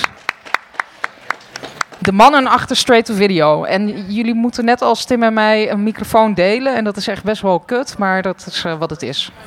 En dat is die microfoon. En niemand durft hem te pakken. Ehm, hoe, hoe was het gisteren? Want gisteren hebben jullie welke films vertoond? In welke zaal? En hoe Eh, was we hebben, In zaal 2 hebben we, we, zijn, eh, eh, we hebben afgetrapt met eh, ehm, Friday the 13 deel 6, Jason Lives. Het was ook vrijdag de 13e. Ah, het was ook vrijdag de 13e, ja. Dus dat was een eh, geweldig excuus om eh, twee eh slashers uit te zenden. Ehm, en daarna hebben we Bloody Pompoms alias Cheerleader Camp vertoond. Dat Dus, klinkt echt heel matig. dat klinkt heel water. Het is geen goede film, het is een heel vermakelijke film. En ja, dat is eigenlijk wat we doen bij Street to Video. We gaan niet voor kwaliteit, maar voor vermaak. Kun je even kort uitleggen waar Bloody Pompoms over ging? Ik ben er heel benieuwd naar namelijk. Er is een, eh, een kamp, een zomerkamp wordt er georganiseerd voor cheerleaders. En op een gegeven moment eh, vallen daar dode cheerleaders. Maar goed, het is ook een zomerkampfilm, dus de, die mensen hebben ook gewoon lol. Ondanks dat er af en toe dode valt, heeft niemand het idee van... hé, hey, we stoppen met dit kamp? Nee, want... eh, er Zit er valt- veel seks in? Dat er hoort zit heel een veel beetje. seks in. Ja, er zit, zit heel veel seks in. En ja. iedereen die seks heeft gaat vervolgens dood. Dat is Eh, natuurlijk een ja, de slasher-regels. Ja, ja, dus eh, nee, het gaat vrij veel. Op een gegeven moment er zit één scène in, dan is een meisje net vermoord. Maar eh, de, de grappenmaker van het kamp die heeft haar net gefilmd, stiekem, eh, voordat ze doodging. En die zit daar nog even om te gniffelen van, haha, kijk, ik heb haar in een blootje gefilmd. En dan zegt zijn beste vriend van, eh, hey, eh, sorry, ik, ik voel me hier niet zo, niet zo comfortabel bij. Die, die, dat meisje is net een paar uur dood. En dan zegt hij zoiets van, ah, steen aan, we zijn naar blote vrouwen aan het kijken. Dus dat is een beetje de, de Mooie- spirit. Mooie personageontwikkeling. Mooie personage, ja, zeer zeker. Ja. Hey, waar is jullie ehm, eh, obsessie door nostalgie eh, begonnen? Als ik het een obsessie mag noemen. Eh, ik weet nog niet of het een, een daadwerkelijke obsessie is. Ehm, Ja, want jullie zijn allebei echt zo VHS-verzamelaars, toch? Ik denk dat ik iets later ben begonnen in het spel. Ik ben iets jonger dan Erik, maar eh, ik heb er inmiddels denk ik 400 staan thuis. Dus voor, voor VHS-banden nog steeds. ja, en Wow. ik denk voor VHS-verzamelaars begrip is dit echt nog relatief heel weinig. Eh, maar ruimtegebrek en als je samenwoont op een gegeven moment dan moet je concessies maken blijkbaar. Eh, bij mij is het, ja, het liefde voor film zat er al best wel vroeg in.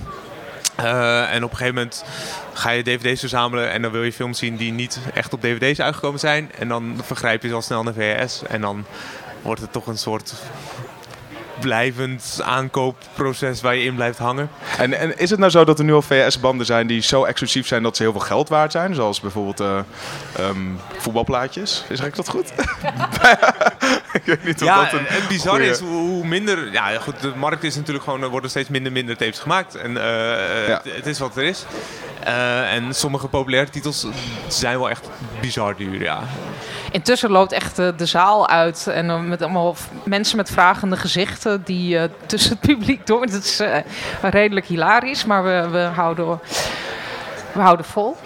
Ehm, nee, want eh, Straight to Video, hoe, dat is jullie maandelijkse avond in Lab 111, waarbij jullie altijd een dubbelbeeld doen met VHS-films en dan een beetje slecht, lekker slechte films, Eh, ja, als ik dat mag zeggen. dat mag je zeker Ja? zeggen. Ja, het niveau, eh, wat Erik al zei, we gaan voor vermaken, niet voor kwaliteit. Ja, en dat, het vermaak zit hem juist in de slechte kwaliteit. Ja. En ehm, hoe lang doen jullie dat al? Volgende maand twee jaar. En eh, Zo. ja, er is best wel veel edities al inmiddels. Ja, En, eh, en, maar, en hoe begonnen jullie daarmee? En dit is ook in samenwerking met Schok het Nieuws, zeg ik er maar even bij. Want het is gewoon eigenlijk... Ja, ja, we zitten met allemaal Schok het Nieuwsers aan tafel. Dat is vreselijk. maar daar kan je maar beter eerlijk over zijn. Ja, nou, ik, eh, ik werk voor Lab. En eh, op een gegeven moment begon mijn VS-verzameling toch een, een, een daadwerkelijke vorm aan te nemen. En ehm, ik vond het steeds minder leuk om thuisfilms te kijken. En ik dacht, ik werk in de bioscoop, hier moet ik wat mee kunnen. Eh, en het voordeel van slechte films is met hoe meer mensen je kijkt, hoe leuker ze worden. Dus ik had de gedachte van, oké, hier moeten we wat mee in lab. En dat is een toffe plek. En laten we kijken wat we mee kunnen. En de toenmalige programmeur zag er wel, die vond het ook wel wat. En toen hebben we Erik erbij gevraagd, want eh, die kennen we al van, de, eh, van zijn columns eh Videobasta. En waar ik al heel groot fan van was. Dus dat was heel cool. En toen, toen zijn- leerden jullie elkaar pas kennen? Volgens mij wel. Oh, wow. Ja, het is zo concept bij elkaar gekomen en dachten we, we moeten hier wat mee en laten we, laten we kijken of dit werkt. En kijken überhaupt of er mensen op af gaan komen. Dat was de eerste vraag eigenlijk. Eh, en de eerste avond kwamen er ook mensen. En toen was het echt heel gezellig en toen werd er heel veel Ja, ik was er ook. maar dat was is wel de enige keer dat ik er was, moet ik zeggen. Ja, wil ik het nog met je over hebben. Ja, hè? Ja, Ja, nee, ik wil elke keer heel graag, want ik vind het heel leuk. Maar oké, doen we na de podcast. Na de podcast, daar gaan we het er nog even over hebben. Ehm, en ja, de eerste keer beviel heel erg. Toen hebben we het nog een keer gedaan. En toen dachten we, nou, laten we gewoon een seizoen plannen en kijken wat er gebeurt. En eh, het ging goed. En nu al bijna twee jaar verder eigenlijk. En wat, wat is nou een hoogtepunt van de af, behalve dan gisteravond, ehm, van de afgelopen twee jaar? Nou, gisteravond was heel erg tof. Eh, ik denk dat de sci-fi avonden altijd wel heel erg, voor mij altijd persoonlijk wel een dingetje zijn. Ehm, en de laatste keer was heel erg cool. Toen hadden we Japanse monsterfilms. Ja? Eh, de zombie special, die was ook te gek. Welke films hebben jullie toen Nou, we verteld? hebben Reanimator gedraaid. En het aardige is dat eh, Lab 111 is een pathologisch, was vroeger een pathologisch eh, laboratorium. Pathologisch anatomisch, anatomisch laboratorium. Dus ehm, daar, het is wel helemaal te gek om daar natuurlijk een film als Reanimator te draaien. En die ging er ook heel goed in. En toen, hebben we, toen zijn we begonnen met Reanimator en daarna Nightmare City. Een totaal krankzinnige Italiaanse zombiefilm. En dat was wel eh, van begin tot eind wel een party hardy. Leuk. En, en welke films... eh, Oké, laat ik ons eens vragen. wa- Wat is, waarom is nostalgie belangrijk? Of vinden jullie het überhaupt iets wat een plek eh, verdient in de filmwereld? Nou ja, mijn gedachten zijn er een beetje over van, weet je, dingen als Stranger Things en zo. Eh, wij kijken natuurlijk heel veel jaren tachtig dingen. Eh, maar gek genoeg zijn de dingen die daarna komen, maar die terugslaan op de jaren tachtig, die zijn heel populair. Ehm, en, dan nu denken mensen jaren plotseling, ja, Ja. dan denken we, eh, Player One zit volgens mij ook helemaal vol met verwijzingen. Back to the Future en noem ik allemaal op. Nou ja, ik persoonlijk heb zoiets van, joh, maar kijk dan gewoon liever die oude shit. Toen ik keek Stranger Things toen eh E.T. hier in AI, in, eh, AI eh, draaide. Ja, dan, dan heb je echt geen zin meer in Stranger Things als je dat gezien hebt. Het blijft dan toch een heel matige aftreksel. Maar, Ehm, maar ook kijk je natuurlijk naar de kwaliteit van die films die toen waren natuurlijk heel goed. En voor ons heeft dat Mhm. natuurlijk een bepaald gevoel.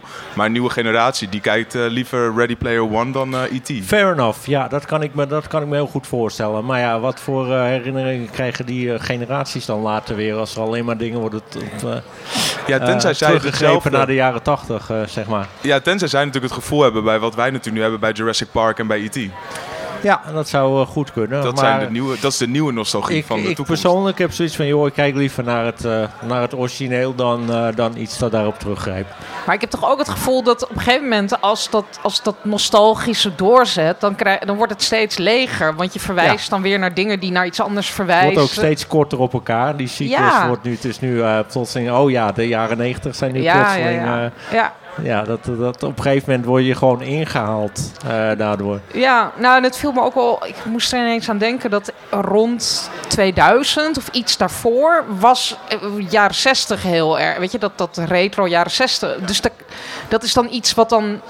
Komt dat dan terug, zeg maar, de jaren 60 retro uit die tijd? Dat je daar weer naar gaat verwijzen? Het wordt Ja, echt een soort hele Jaren ingewikkelde. 70 hebben we ook al gehad met Starsky en Hutch en eh, Charlie's Angels. En op een gegeven moment kwamen er ook allemaal films dat mensen met eh, wijde pijpen rondliepen en Ja. een grote kraag ja, op en de dikke basisschool, eh, op, op, toen ik op de basisschool zat, moest je al cars met wijde pijpen hebben. En Ja. dan zei mijn moeder, ja, die, die had ik vroeger ook. Dat ja, soort- dat, ik vond dat ook niet, eh, ik vond het ook niet heel, heel cool, moet ik zeggen.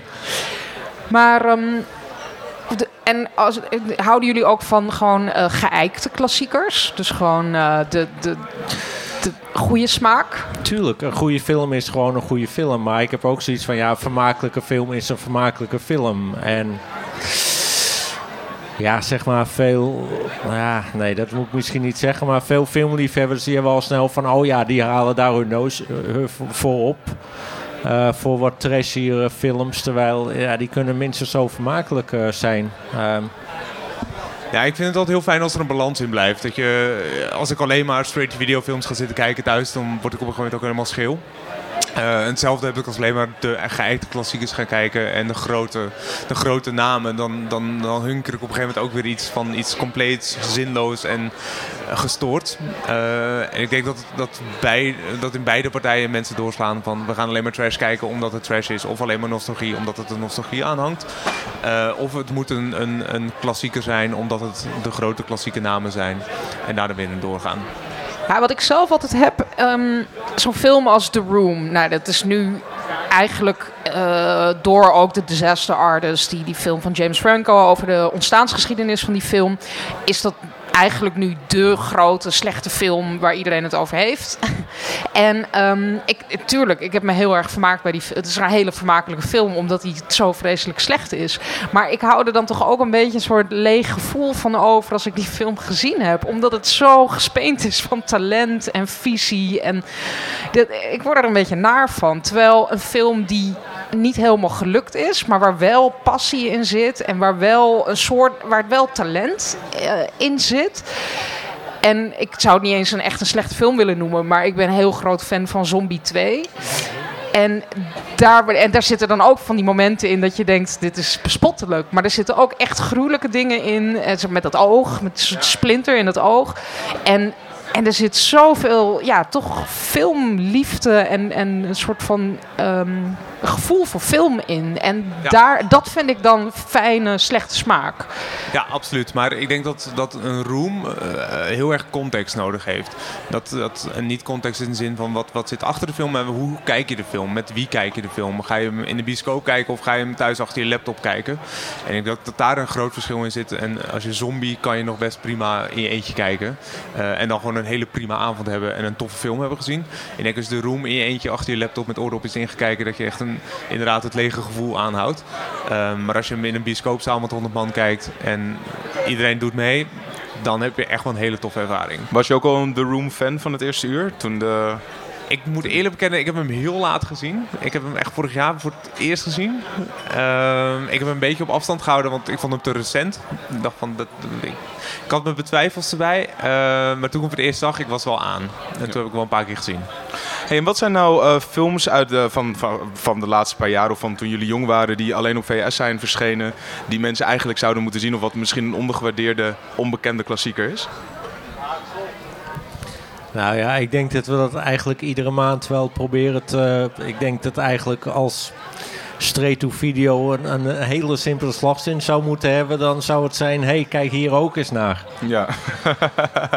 Bloody Pompoms bijvoorbeeld. Body pompoms. Nou ja, heel veel mensen denken van oké, eh, er is Hollywood en er is arthouse. En dat, eh, die, dat is dan hun filmvisie. En die zeggen dan, oh ja, ik hou van arthouse. Nou, ik hou meer van actie. Terwijl er is zo verschrikkelijk veel meer te ontdekken dan, dan dat. Ehm, ja, specifieke titels. Ja, dan, dan zou ik gewoon de line-up van, van de afgelopen twee jaar eh, straight to video eh, zeggen, eh, noemen. Ik bedoel, ja, als wij het niet leuk vinden, dan programmeren we het niet. Maar het zijn wel, het zijn nooit de voor de hand liggende titels. Ehm, eh, wij zijn ook groot fan van Exotiek.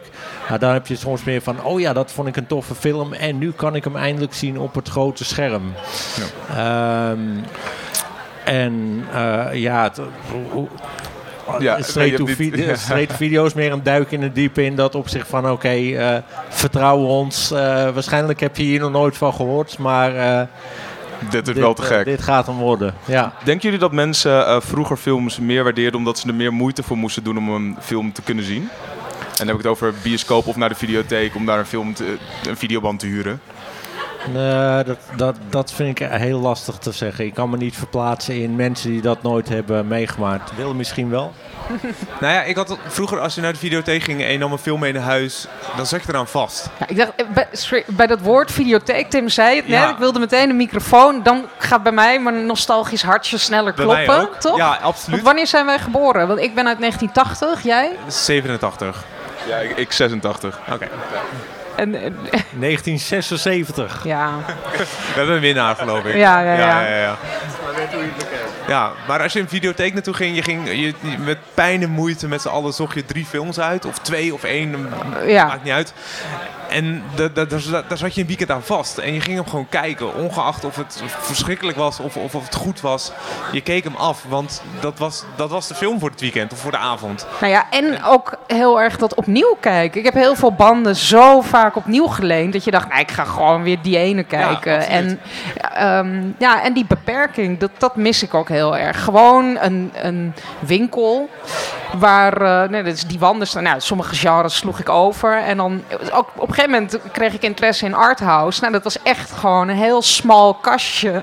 En dat heb ik gewoon helemaal gekeken. En dat was mijn opvoeding in arthouse. Ja, nou absoluut. Ik heb, ik heb in, nog in een van, een van de laatste videotheken van Amsterdam gewerkt. Oh. Toen nog op de Oostelijke Handelskade, Moviemax. Oké.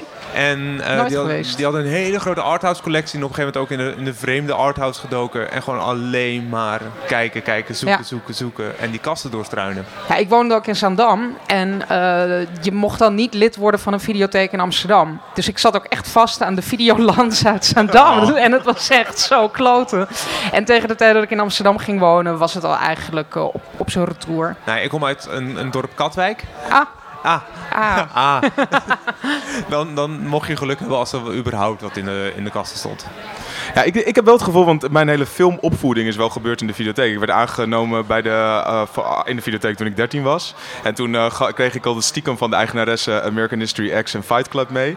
En eh, dat mocht ik nog helemaal niet zien, maar dat wist mijn moeder dan niet. Dus dat was... En mijn grootste trauma eigenlijk van mijn jeugd is toen ik ehm, met mijn vader en met twee vriendjes naar de Blair Witch Project ging. En dat we werden geweigerd aan de kassa, omdat we allemaal nog maar 15 waren en nog niet 16. En dat mijn vader die weigerde om mee te lopen om toestemming te geven.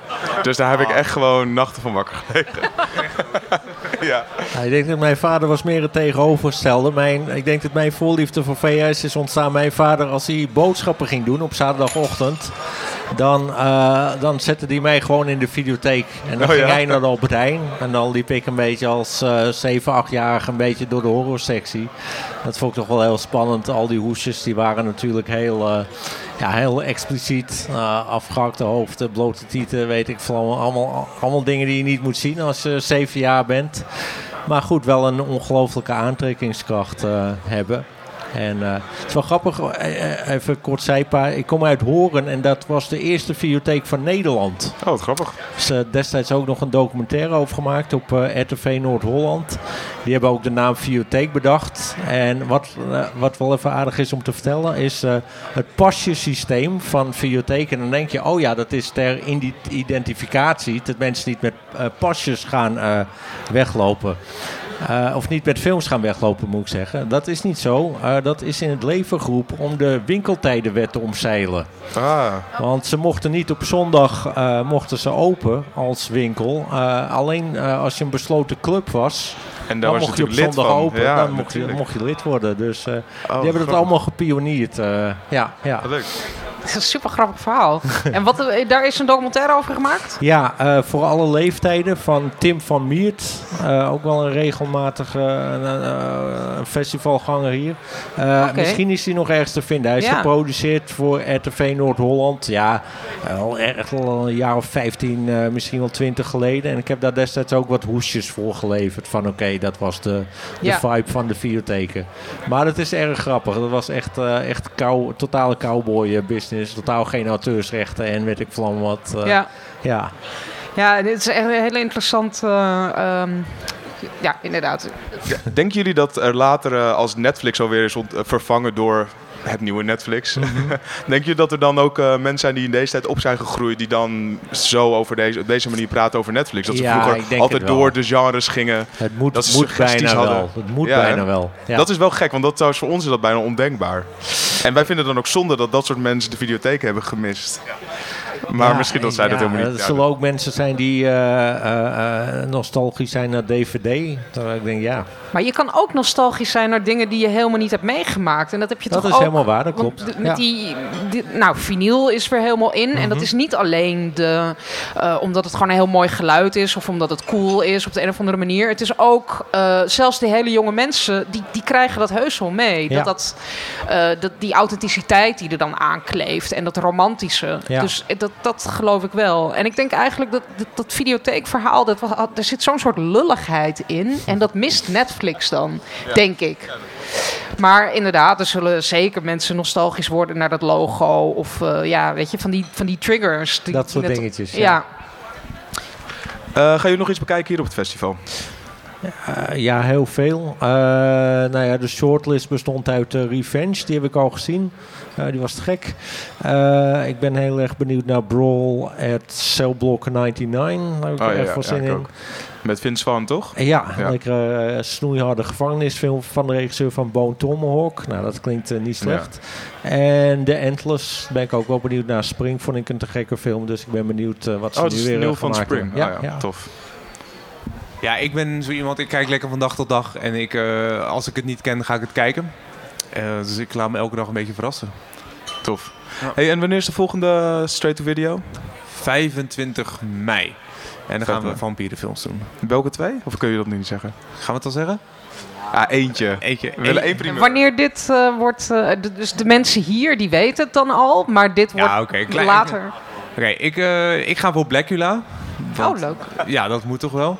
En wat was jouw... eh, jij weet hem iets meer, Peter, uit je hoofd? Eh, als de tape het nog doet, dan ga ik voor eh, Legends of the Seven Golden Vampires. Een co-productie Ah. van eh Shaw Brothers en Hammer. ja. En dat is wel een leuke kruisbestuiving. Ik ben niet zo'n fan van het vampierengenre, maar als het ge- gemixt wordt met blaxploitation of kung fu, dan vind ik het allemaal nog grappig. Ja, want jullie hadden laatst ook de Mighty Picking Man van Shaw Brothers ook. En dat, ik vind dat dan toch ja, want eigenlijk vind ik dat helemaal geen slechte film. Het is gewoon een goede film. Hij is gewoon heel grappig. En, Ja. maar die lulligheid is wel zo bedoeld. Ja, nee, absoluut. Maar het straight video is niet per definitie een stempel van Nee. dat het slecht is. Nee, dat is waar. Maar hij wordt Nee. heel vaak soort van slecht. slecht eh, Ja, maar ik denk dat daar de mensen met een oog naar kijken met, met de Hollywood, met de Hollywood blik Ja. erop van dit is slecht, want het is geen goede specials of het is een, een, een- niet een denderend verhaal, maar het is gewoon wel een toffe film. ja, ik tof- vind hem heel leuk. Tof en slecht eh, kunnen heel goed naast elkaar staan. En tot slot, ik ben nog nooit bij jullie geweest. Ik ga binnenkort ook eh, een keertje heen. Zeker. Ehm, wat zijn de regels bij jullie in de zaal? Mogen mensen gewoon geluid maken? Mogen ze dingen naar het scherm gooien? Mogen ze eh, eh, slechte woorden roepen naar het... eh, wat hier ook wel eens gebeurt? We zijn geen, geen Night of Terror. Nee. Dus eh, we houden het eh, relatief wel netjes. Maar eh, ga lekker heel veel bier drinken. Dat, eh, dat doe ik ook altijd vooral. Eh, en als je commentaar hebt op de film, laat je vooral hoorbaar eh, zijn. Oké, top. Dat sowieso. Ja, maar dingen gooien naar het scherm. eh, we willen wel het scherm goed houden. En- Goed zo, dat ga ik, bier zou ik dat niet doen. Nee. hey, leuk dat jullie er waren. Eh, heb jij nog vragen, Basje? Nu sluiten we af. Nee, is goed zo, Tim. Hebben jullie, hebben jullie nog vragen aan ons? Dat is ook... Ja, ik heb geen, ik, ik heb, ik, maar al mijn vragen zijn denk ik wel beantwoord. Maar wat, wat, zijn jullie, wat zijn de films waar jullie heel nostalgisch dan naar zijn? Want hier ligt een heel mooi stapeltje. Ja, dit zijn, ik, ik, ik heb dus afgelopen week in de kringloop een VS-recorder gekocht. En eh, VS-speler. En een, een stapeltje films. Ik had eh, Seven, eh, Dracula en de Leeuw, Leeuwenkoning. Dus een oude spelling ook. Eh, nog even meegenomen. Eh, wat zijn de films waar ik heel nostalgisch naar ben? Ehm, ik wilde, heb jij al een antwoord? Ja, toch ook echte films. Maar dit is ook omdat we het nu over videotheken hadden. Maar dan denk ik aan de films die ik zelf veel huurde. En ik hield heel erg op de een of andere manier van. Ja, sowieso een beetje suspense dingen, maar ook heel veel spoofs. Dus de, de ideale combinatie voor mij was High Anxiety, zo'n Mel Brooks film, die echt best wel heel slecht is. Ik heb er al eerder over verteld, want ik had hem laatst gezien en toen eh, vertelde ik er iets over al in de podcast. Maar die heb ik zo vaak geleend en eh, ik heb hem nu dan op DVD. Ehm, en dat soort gekke film. Je hebt ook zo'n film Top Secret, was ook zo'n ja, spoof. gek. Ja, die heb ik echt, eh, nou, die, die heb ik helemaal grijs gedraaid. Eh nou, buiten Blair Witch Project en Scream 2, wat de allereerste film was die ik ooit heb gehuurd, ehm, heb ik ooit eh, Ringu en Bring It On, die cheerleader film, over cheerleaders gesproken. Hele goede combi. Hele goede. ja. Eh, die twee heb ik toen in Engeland gekocht op VS. En dat, was toen, dat vond ik heel vet, want die waren nog helemaal niet uit in Nederland. Dus toen, eh, ja, ik weet niet, dat waren wel mijn soort van klassiekertjes die daar... eh, Ja, ik vertelde on. ook, eh, dus heb ik een keer eh, 70 u- gulden betaald voor de videoband van Braindead. ja, Omdat het niet bekend was of die ooit in Nederland zou worden uitgebracht. En ik had erover gelezen in Fangoria en zo. Toen zag ik hem bij Fame liggen. 70 gulden, veel te veel geld. Maar nou ja, toch ik wel eh, ook altijd die VS waarschijnlijk wel voor, de beste veel te veel 70 geld. gulden die ik ooit heb besteed. Ja, het is wel brain ja, dead. daarom. hey, dank jullie wel. Jullie ook bedankt.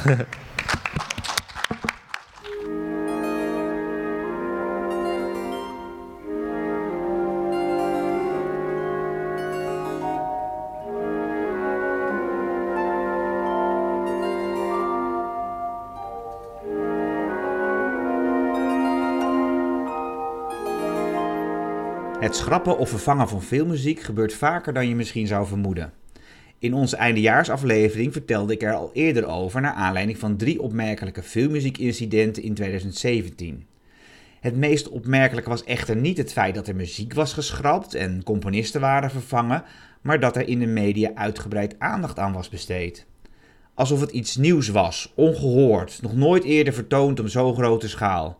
Maar het dissen van componisten en het overboord gooien van hele soundtracks gebeurde ook al ten tijde van de zwijgende film.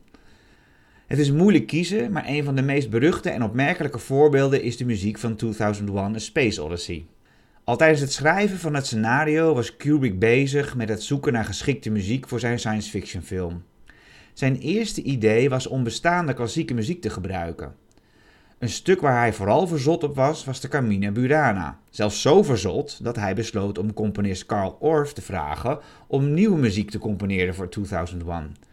De 71-jarige componist werd zeer vereerd, maar voelde zich vanwege zijn leeftijd niet tegen de taak opgewassen en bedankte uiteindelijk voor de eer. Kubrick keerde weer terug naar zijn oorspronkelijke idee en stelde een soundtrack samen bestaande uit verschillende stukken klassieke muziek van onder andere Georgi Ligeti en Richard Strauss.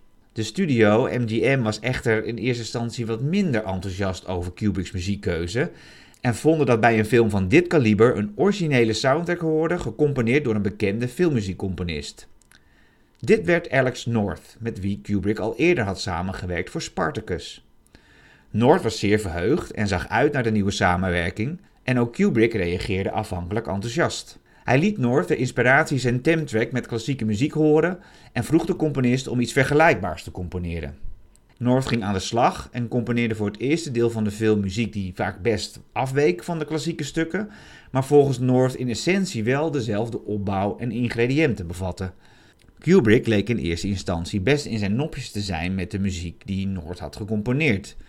Maar toen het tijd werd om met de rest van de film aan de slag te gaan, liet Kubrick bijna twee weken niets meer van zich horen. Uiteindelijk vertelde hij North dat hij geen nieuwe muziek meer nodig had, omdat ze voor de rest van de film alleen geluidseffecten zouden gebruiken. Toen North een screening bijwoonde van wat een bijna definitieve versie van de film was, bleek zijn muziek echter helemaal geschrapt te zijn en vervangen door de klassieke muziek. North was gechoqueerd, met name omdat Kubrick hem niet van tevoren had verteld dat hij besloten had om zijn muziek niet te gebruiken. MGM was overigens inmiddels ook van gedachten veranderd en vond de klassieke muziek prima werken in de film. Kubrick's versie van het verhaal wijkt iets af. Volgens hem leek de muziek van North in de verste verte niet op de muziek die hij als stemtrack had gebruikt en was North's score zelfs totaal onbruikbaar. Doordat de première naderde was er volgens Kubrick niet eens tijd om na te denken over nieuwe muziek, wat hem deed besluiten om North's score helemaal overboord te gooien en de klassieke stukken te gebruiken. Volgens Kubrick had het hoofd van MGM, Robert O'Brien, hierover wel degelijk contact opgenomen met de vertegenwoordiger van North. Maar was hij weer vergeten om dit te vertellen aan zijn cliënt? De waarheid ligt ongetwijfeld in het midden. Wat wellicht ook heeft meegespeeld, is dat Kubrick, ondanks dat hij in een vroeg stadium al veel klassieke muziek had uitgezocht, voor bepaalde delen van de film maar niet kon besluiten wat nu de beste muzikale omlijsting was. Veel van de scènes waarvoor North muziek had gecomponeerd bevatten in de uiteindelijke versie bijvoorbeeld helemaal geen muziek. En onder de beroemde docking scene met het roterende ruimtestation had Kubrick in eerste instantie deze muziek van Mendelssohn gezet.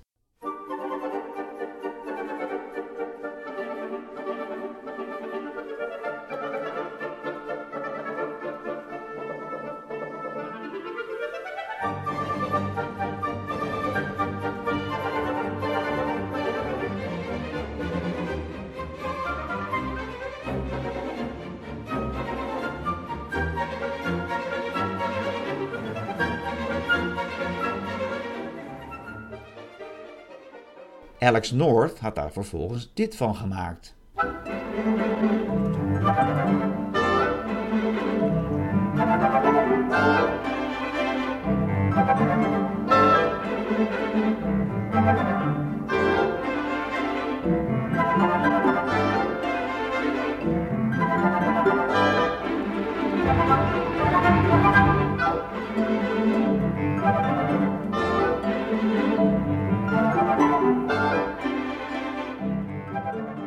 En beide stukken lijken weer in de verste verte niet op de wals van Strauss, die in de definitieve versie van de film te horen is.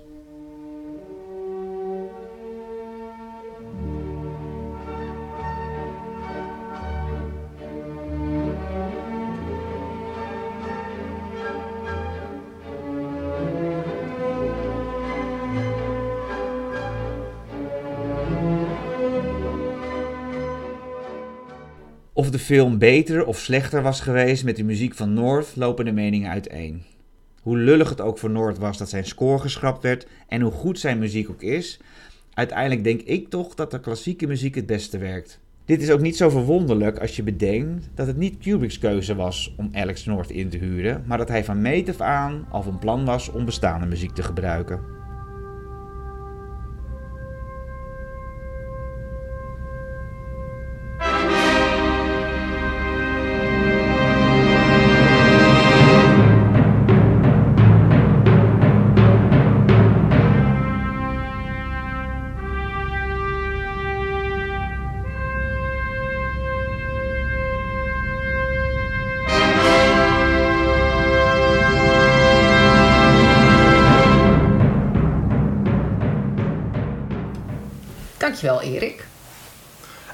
Gaan we naar de vooruitblik. Ehm, en daarin beginnen we met, eh, de, met Solo, de nieuwe Star Wars film. Beginnen we daarmee? Daar beginnen, we- daar beginnen we mee in de vooruitblik. En daarna gaan we nog even hebben over Imagine. Maar vooral, ehm, ja, Solo. Er komt weer een nieuwe Star Wars film. In plaats van dat ze het één keertje per jaar doen, Ja. doen ze het nu lekker twee Nou, keer één keertje per jaar, dat is daar eigenlijk ook al te veel. Ja, zeker. Oh, ja, jij was bang dat ik die film ging afzeiken. Ja, nee, oh nee, ik ben, ik ben er klaar voor. Nee, weet je wat het grootste probleem is? De film aan zich niet eens... Ik, wat, Disney, ik noem het nou maar gewoon even Disney.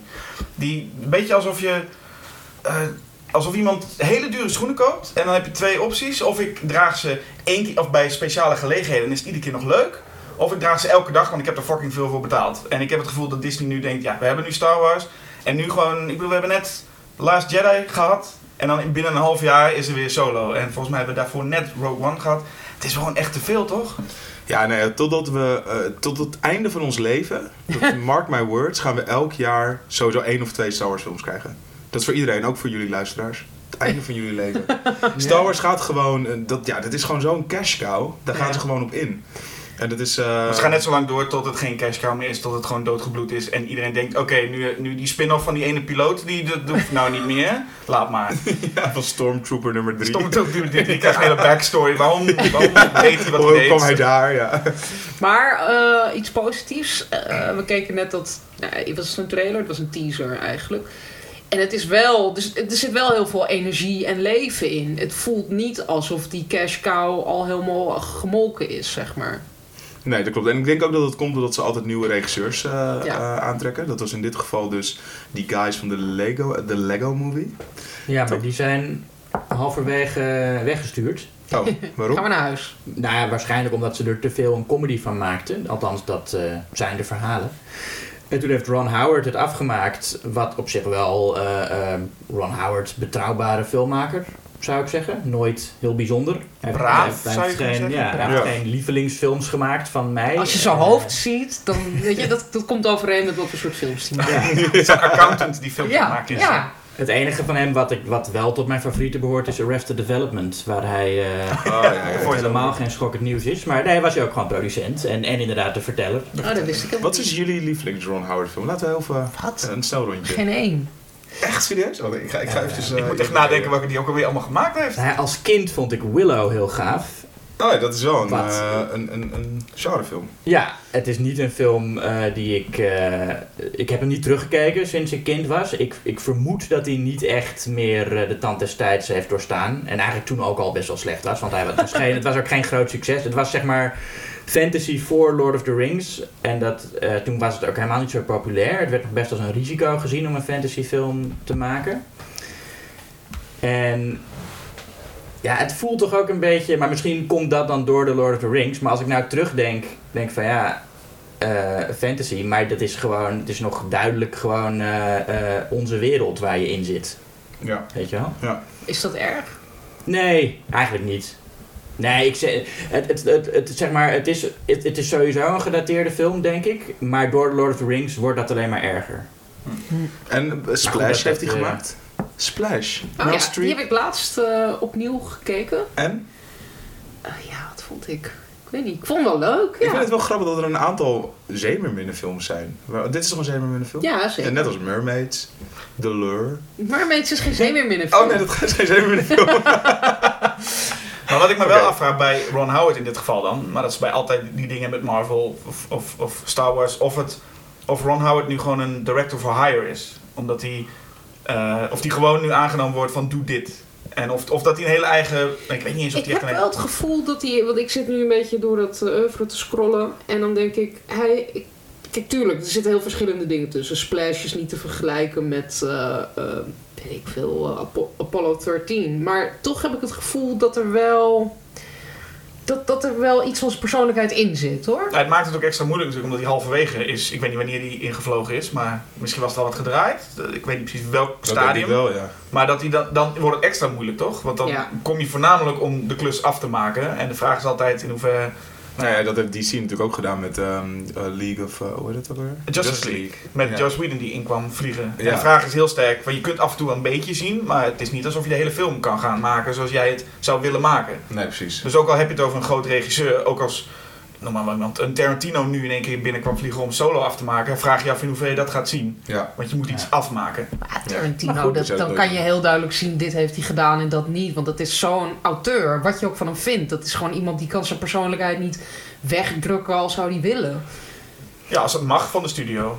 Nee, ik Maar- zit ook te. Ik heb hem nooit gezien, maar die Rush van een paar jaar geleden... Ja, die vond ik heel goed. die vonden mensen heel goed. En ik heb, het, nee, ik heb hem niet gezien. Dus dit is echt puur eh, een Die idee. 1 Maar ik heb film? het gevoel dat dat echt een Ron Howard film was. Die Formule 1 film. ja, de Formule 1 Die was film. volgens mij ook gewoon, maar die was gewoon heel degelijk. Gewoon heel Ja, het is wel goed degelijk, verteld maar, en- wel, er zit wel spanning in en het is Hij een hele... kan spanning in films Ja, en personageontwikkeling. Spanning en Ja. personage, dat zijn Ja, wel Ja, twee... maar eh, dus dat bedoel ik ook met spanning. Hij kan Ja. wel een soort... eh, Maar het is meer, hij kan wel wat. En dat, is, dat kunnen we van meer- veel regisseurs zeggen dat ze wel wat kunnen. Maar de vraag is meer, kan hij dit, zeker nu je op- om het elk half jaar een Star Wars film krijgt, kan hij dit naar een iets hoger niveau tillen dan dat we allemaal nu echt lopen met Solo was echt de beste Star Wars Nee. tot dusver of iets Nou dergelijks. ja, wij kijken hier nu naar met een soort heel erg post-auteur-theorie-achtige blik. Van de, Ja. de, de regisseur is, is de maker, maar weet je, Wizard of Oz is ook door meerdere regisseurs gemaakt. Die, er werd er weer eentje ontslagen en dan kwam er weer een nieuwe. En dat is een meesterwerk. En, Ja. eh, en Gone with the Wind is, vind ik geen meesterwerk, maar eh, wordt wel Ik wel. vaak. eh, ja, nou precies. Maar die is ook van meerdere regisseurs. Maar dan heb je het niet over The Wizard of Oz deel 6 of deel 7. Dan zou het al iets anders zijn, toch? Dan The Wizard of Oz. Ja, de, de eerste film, ja. Ja, maar als, als, film, dat, maar- zeg maar, als dat deel 6 was geweest en een half jaar daarvoor hadden we deel 5 gehad, dan vraag je je ook af of dat echt, hoe, hoe ver dat dan nog kan. Want we hebben het nu over Solo en niet over de eerste Star Wars. Nee, maar dat is dus Nee, ook een dingetje. Er, er zit wel een enorm ehm, eh, sfeerverschil in al die films. Dus je hebt dus die eerste, de, The Force Awakens was ontzettend Disney en eh, een beetje ja. ouderwets space avontuur. En daarna kreeg je dan Rogue One en The Last Jedi, wat een beetje, een beetje, een beetje downbeat, een beetje depressievig eh, eruit zag. Die vond ik ook allebei bij far de minste. Ik vond The Force Ja, Awakens... Stuk- Jedi vond je niet... Nee, eh, vreselijk. Ik zat echt, Echt? de dood te vervelen. Huh. En nu zie ik Oh, me- bij, bij die solo, bij die solo trailer denk ik, oh, nu gaan ze een beetje richting Guardians of the Galaxy. ja. Het ziet er vrolijk uit. Ja, dat, En is, ik- dat is wat ik bij Star Wars het beste vind passen. Ja, Maar ik, heb, ik, ik krijg wel zin om erheen te gaan als ik die eh, teaser zie. Ja, het is, een beetje, het is een beetje qua James Bond wat ze uiteindelijk moeten gaan doen, denk ik. Eh, al- als het zo lang doorgaat als jij zegt. Dat je inderdaad de stijl eh, voortdurend verandert.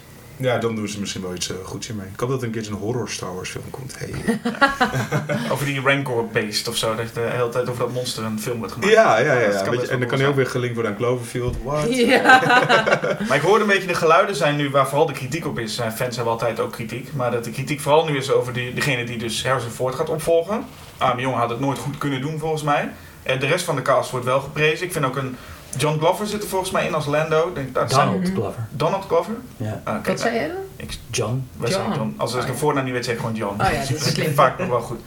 Ehm, dat zijn allemaal best wel goede castingkeuzes. Maar degene die... Ik las ooit een comment van iemand, en volgens mij klopt dat wel. Dat fans hadden nu het liefst gewoon gehad dat Harrison Ford gewoon speelde alsof hij een tiener was. Ja. Dat pikken ze eerder dan iemand die hem gaat vervangen. Dus nou dat- ja, het is, ik ben even zijn naam kwijt. Van Ja, ik, die, weet, eh, ik vergeet ook altijd hoe die heet. die het gaat- hij is wel leuk.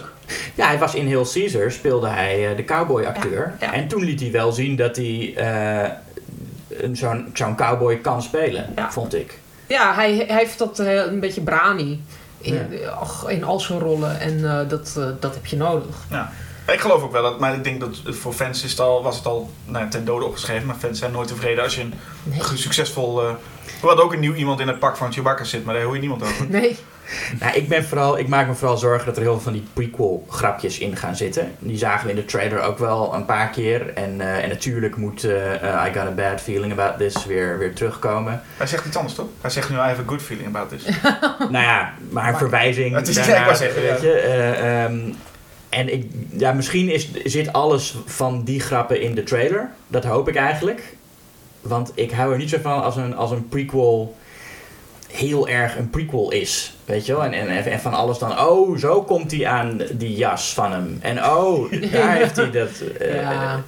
Ja. Dat is, en wat ook, wat ook, sluit je je film op. wat ook Ja. vervelend is, is los van hele Star Wars. Het, is ook, het voelt nu een beetje inwisselbaar. Ik bedoel, je hebt Woody Harrelson die dus begint met We're putting together a team. En dan zie je een paar mensen en dan denk je, ja, is het weer zo'n, we hebben een klus, we hebben een team. Dat was Rogue One volgens mij ook. Ja. Ik vraag me heel sterk af of dit niet gewoon een Rogue One kopie wordt. Met inderdaad allemaal van die referenties naar de oude films. En verder gewoon een beetje een inwisselbaar verhaal.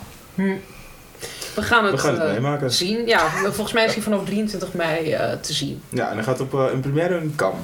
Ja. Is Ja. dat voor het eerst in de zomer ook? Weet ik niet, ik dacht Star Wars altijd een beetje een decemberfilm Kerst, was. ja. maar is, Ja, het, is, dit, is kerst. het voor het eerst nu in de zomer? Dus- Ja, Ja, en krijgen we er aan het einde van het jaar weer een nieuwe Star Wars film? weet ik Nog geen? Oh, dat zou niet best zijn. dan. Ik weet trouwens niet hoe dat met die eerdere, met de eerste trilogie zat en met de prequels. Of dat Nee, ook, nee, eh, maar ke- zeg maar... of dat de- kerst was. in- Nee, de, nee, ik weet niet, de, eh, de prequels waren in de zomer. In ieder geval Oh. Attack of the Clones, want dat weet ik, want die heb ik toen... eh, eh, toen ging ik naar eh, Spider-Man, maar toen draaide die tegelijkertijd. Dat weet ik nog. Om de een of andere reden nog goed.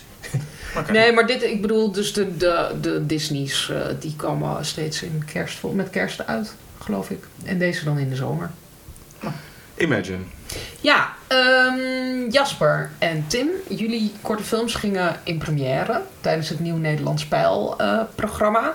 Hoe was dat? Jasper, Ja, superleuk. vertel eens wat over je film. Vertel eens wat over mijn film. Ehm, mijn film heet eh, Sandwich. En het is een, gewoon een, zoals het bij Metin ook werd omschreven, maar meer een melige zwarte horrorcomedy. Melig. Zo werd het, ja, en zo is het ook. Het is eigenlijk gewoon een onzinfilm en dat wilden we ook graag. Een, een toegankelijke onzinfilm met eh, gewoon veel dialoog en gewoon... Het is een heel simpel verhaal. Twee gemeentewerkers, die mannen van die oranje pakken, die schieten in de pauze per ongeluk een heks dood. En eh, die laat hen vervolgens het bos niet meer uit. En dat is eigenlijk het hele, hele idee. Nou, we zaten daar met... eh, het was de première voor, voor Tim ook. We waren de enige twee films die de Radio Weg de première hadden daar. ja, Oh, ja cool. de wereldpremière. De wereldpremière. En ehm, dus de hele eh, eh, cast en crew, waar- in ons geval waren dat helemaal niet zoveel mensen, maar die waren erbij en de zaal zat goed vol. En ik, ik zat vooraan, dat moest vanwege zo'n Q&A. zaal 1 van AI, toch? Ja, dus een paar honderd man waren er sowieso. En ehm, ik, ik vond het jammer dat ik eigenlijk vooraan zat, want ik begreep later dat heel veel gelachen werd. En ik hoorde maar heel weinig daarvan, maar schijnbaar dat de hele tijd gedurende de film gelachen werd. Dat is juist het leukste natuurlijk, als je zo'n film, of het nou horror of comedy is. Het is altijd leuk om zo'n film in een grote zaal te zien, want dan hoor je reactie. Ja. En ik hoorde dus heel veel, en af en toe hoorde ik het een beetje, maar als je minder in de zaal zat, scheen dat er best nog wel veel op gereageerd werd en gelachen Ja, werd. bij mij rondom mij ook hoor. Ik, Ja, dus ook- dat- ik heb zelf ook heel erg gelachen zelfs. Nou, dat is heel fijn. Ja. Ja, je zat Ja. plak achter mij, dus ik kon het af en toe horen. Ja, ja. Deed ook een beetje uit beleefdheid, daar Ja, ga ik dat, vanuit. ja, in je oren ook. Ja. Ja, heel, heel fijn ook, ja. Ik heb ook extra geschrokken bij jouw film. Oh, goed zo. Ja, Dus heb je me een beetje omhoog zien springen? Ja, Ja. heel, fijn, heel fijn. Zo, dat doe je voor elkaar natuurlijk. Ja. Ja, Maar ehm, nee, de- eh, hele leuke reacties. Wat ook wel een beetje logisch is. Mensen komen natuurlijk altijd naar je toe en zeggen, goede film. Maar gewoon mensen die zeiden van, ik heb ontzettend vermaakt. En dat is eigenlijk het grootste compliment wat je kunt krijgen. Want het was de langste film die ertussen zat. En het grootste compliment is dat mensen niet voelen alsof dat echt de langste film was. Ja. Dus dat vond ik, eh, was heel fijn. Leuke, leuke dag was het. Ga je er een lange film van maken? Eh, dat kan, nou, in ieder geval wel een, een paar vervolgen, want ik heb een paar titels. Ik kan, de vol- vervolgtitels zijn Club Sandwich Hey. En Sandwich Spread en eh Croissant. Oh, nou, die is, eh, dat is een... dat is een Ja, je kan ook met titels gooien dat je even Ja. moet nadenken. Het is allemaal Oh. broodjes en zand. Ah, en dat, ja. dat Oh, croissant. Ah. Ja. Ah, zie je. Nee, maar eh, beter dan niet. Het was gewoon nu in eerste instantie leuk om dit eh, te hebben. Maar wie er wel volgens mij een langere versie van zijn film wil gaan maken, is... Me Jimmy. Nou, nee, nee, niet Me Jimmy. Dat is de film. dat jij. Maar dat ben ik. Oh ja. dat ben ik. Ja, je begon dat met ben ik. Me en toen dacht ik, oh, Me, dat is goed. Maar ik ging- Ja. Nou ja, we zijn inderdaad, eh, we waren ge- ge- geselecteerd in hetzelfde blok, dus Nieuw Nederlands Spel. En ehm, wij met de film die heet Me Jimmy. Eh, hele compacte, korte horrorfilm. Oh, sorry. Eh, zes minuutjes. Gaat over een, eh, een meisje in een wasserette die eh, aan het luisteren is tijdens haar was, op haar waswacht, naar een podcast. Hey, podcast. Kom je aan inspiratie? ja joh, ja, dat, dat komt door jullie. Eh, en zij luistert naar een podcast over seriemoordenaars, van die crime podcasts die heel populair zijn. En eigenlijk is de, het idee dat die, pod, die seriemoordenaars jou ook kunnen horen en ook in je hoofd kunnen kruipen en je kunnen manipuleren. Daar gaat een lange speelfilm over. Die hebben gepitcht tijdens de pitch van Imagine en die hebben gewonnen. Dus dat was heel tof. Ja, ja, dus we gaan naar eh, Montreal in juli. Dan gaan we daar vier dagen op de co-productiemarkt gaan we deze film pitchen. En we hebben natuurlijk al die korte film, zoals van voorbeeld om te laten zien.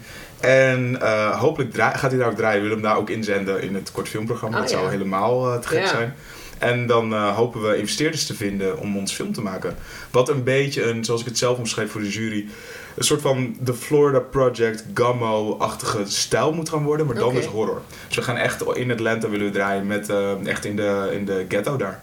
Dat wordt heel, eh, heel spannend. Want even los, want dit is het grootste compliment wat je kan krijgen. Natuurlijk zoiets winnen. Maar hoe waren de reacties? eh, zeg maar die zondag ook dat die vertoond werd? Wat heb je voor Ja, dingen gehoord? er kwam een moment dat eh, David Jan, de regisseur, die, eh, eh, die, die, die presenteerde het eigenlijk voor ons voor de zaal. Net zoals jij, jij ging ook even voor de zaal staan, Jasper. Ja. Ehm, en eh, dus hij was eigenlijk een beetje het gezicht van de film. Dat is dan als regisseur ben je dat. Ik ben de schrijver. En de Jij hebt het bedacht en geschreven en geproduceerd. Ja, ja, klopt. Ja. En eh, hij heeft geregisseerd. En eh, dus kwamen heel veel mensen vooral naar David Jan toe. En iedereen zei dat ze hem spannend vonden, dat ze schrokken. Er was wat, eh, eh, wat een soort van meningsverschilletje over het einde. Want we hebben een soort van twee eindes. Dus iets achteraan geplakt. Maar dat, dat vergroot dan weer het concept. Naar mijn idee. Maar goed, sommige mensen vonden dat te veel. Het zit ook in Cloverfield. Is Zit ook in? Cloverfield? Ja, Ja. Ik eh, ga jullie, sowieso voor jullie binnenkort even screenen. Jullie moeten langskomen bij mij thuis en dan Cool. gaan we op de beamer kijken. En dan heb ik ook mijn andere nieuwe Franse film die ook nog gaat uitkomen in september. Dus ik, er Leuk. komt van alles aan. Wel spannend. En hopelijk jullie film is dan ook af. Want Ja. laten we die niet Hoe vergeten. gaat het daarmee? Nou, ik heb eindelijk eh, eh, sound design en eh, color grading kunnen vinden. Chill. Misschien een beetje inside baseball voor de luisteraar, maar, Maar die eh, film moet ingekleurd worden die en film moet geluid gekleurd en komen. het geluid moet eh, Ja. gefixt worden. Nou, dat heb ik eindelijk gevonden, dus dat gaan we doen. En eh, dan zal hij over een paar maanden af zijn. Ga je hem insturen volgend jaar voor Imagine? Ik denk het. Tof. En, en waar gaat jouw film over? Dan, daarna zijn we klaar met Eh, deze. Ja, Ja, ik heb geen film Is een zelfpromotie. Ja, Mijn film gaat over een eh, koppeltje, een meisje en een jongen. En hij heeft haar heel erg eh, eh, zitten manipuleren. En hij heeft eigenlijk een ander eh, soort mens van haar gemaakt dan ze van oorsprong is. En al die opgekropte emotie die ze daarin over heeft gehouden, die komt er dan vrij gewelddadig op een gegeven moment naar buiten. Wauw. Dat is een Kill. Bill, maar dan in, in een woonkamer. Dat, dat, Wat? Is een, dat is een heel mooie pitch, maar zo zou ik het niet noemen. nee. Oké. Altijd weer de Tim vergelijken. Oh, het is een soort Jaws, maar dan Ja. zonder haai. Ja, ja. Oké, nou, ik ben heel benieuwd. Ehm, ja, Basje. Eh, ja, nee, laten we het nog even over, hebben over hoe eh, Imagine was. Want ik ben er dus acht dagen lang geweest. Alleen, ik heb alleen de openingsfilm gezien. Eh, want ik was een talkshow aan het presenteren. Elke Acht avond. avonden, hè? acht avonden achter elkaar. Dat is echt heel eh, pittig. Maar ook wel heel leuk. En eh, ik vond de laatste avond het leukst. Terwijl er waren wel meerdere hele leuke avonden. En we hebben ook natuurlijk eh, het gesprek dat je net hebt gehoord opgenomen. Dat was ook heel geslaagd. Maar de laatste avond had ik ehm Koert Platvoet van de korte film Pizza Monster eh, op de bank zitten. En daarna Mick Garris. En die heb ik extra lang natuurlijk aan de tand gevoeld. En het was heel leuk. Het is een hele leuke man. Lieve man, hè? Ja, heel lief. ja, ja. Want ik dacht, het is gewoon iemand die heel erg kan kletsen. Dus dat is fijn van een gast. Maar hij is ook heel sympathiek. Dus dat was, eh, was gewoon een goed gesprek. Dat, dat voelde goed. En ik had eh, nog wat leuke trailers voor hem mee. eh, van The Stand onder andere. Echt zo'n weet je, totaal gedateerde trailer. Maar toch heel effectief. En ik, vroeger keek ik dat ook echt. En was ik daar heel erg fan van. Dus ik vond het ook wel leuk. En ik had nog eh, eh, The Bride of Frankenstein, omdat dat een van zijn lievelingsfilms is. Dus we gingen het ook lekker hebben over wat nou lekkere films zijn. En welke film heel veel indruk he- op hem heeft gemaakt. En dat was dan Psycho, die hij in de drive-in heeft gezien destijds in eh 60 of 61. Dus dat, dat zijn fijne verhalen, weet je, zo fans onder elkaar. En, en ehm, hij heeft ook een, een podcast. Ja, ja, Ja, Ja. Postmortem.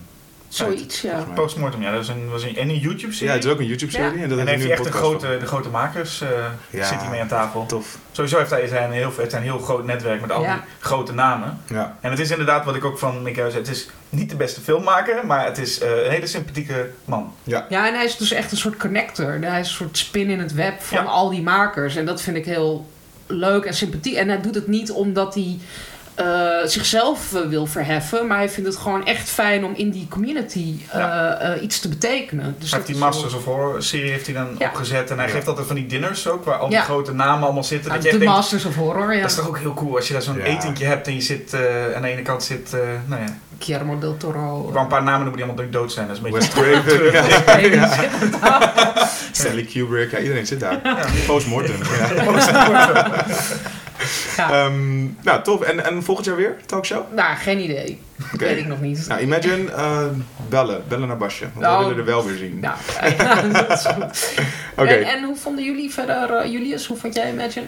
Ik vond het een eh, heel aardige editie. Ja, er, zit, er zaten geen echte uitschieters bij, zoals vorig jaar had je Get Out en daarvoor The Witch, die ik toen drie keer gezien heb. Maar, en, maar zo'n film zat er niet bij, waarvan ik meteen dacht, ik moet deze heel vaak zien. Ik vond Let the Corpses Stand een heel mooie. Van de Ehm, makers van Amer. ja, precies. En ehm, ja, dat was echt zo'n film waarvan ik dacht, oh, dit, waarom doen niet meer mensen zulke avontuurlijke dingen met film? Eh, en ik vond het leuk om, om, om Ghost Stories daar te zien, want daar waren de, de Andy Nyman en Jeremy Dyson ook bij, bij die vertoning. Het was heel erg, want wij, wij wonnen dus die prijs vlak voordat Ghost Stories werd, werd ver- vertoond. En toen zeiden we tegen elkaar van ja, we kunnen nu niet hier zitten, weet je. We zijn gewoon te hyped om nu gewoon de- een film van twee uur te gaan kijken. Oké, dan gaan we zo weg. En op dat moment zegt, ehm, zegt eh, Chris, degene die het allemaal presenteert, de directeur... Van, nou, in eh, Ghost Stories en de, de regisseurs, die zijn er staan letterlijk twee mannen naast ons op. Dat waren dus de regisseurs. en die gingen dus naar voren. Dus wij dachten, oh kut, nu kunnen we niet zomaar weg. Dus toen gingen ze weer naast zitten en zeiden, jongens, sorry, weet je, we willen echt graag jullie film zien. Maar we moeten even de zaal uit om te ontladen, want het was zo spannend. dat was heel, eh, Ja. heel grappig. Maar dat waren leuke gasten volgens mij ook. Ja, ik heb ze, er, ik heb ze de, de ochtend daarna zelf nog geïnterviewd voor de website.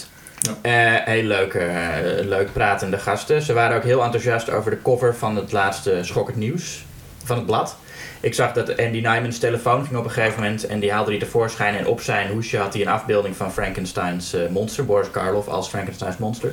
Toen dacht ik, oh dan moet ik ook even die cover laten zien. En Ja. dan, oh my god, we're gonna be in this magazine. Ik zei, nee, jullie komen op de website.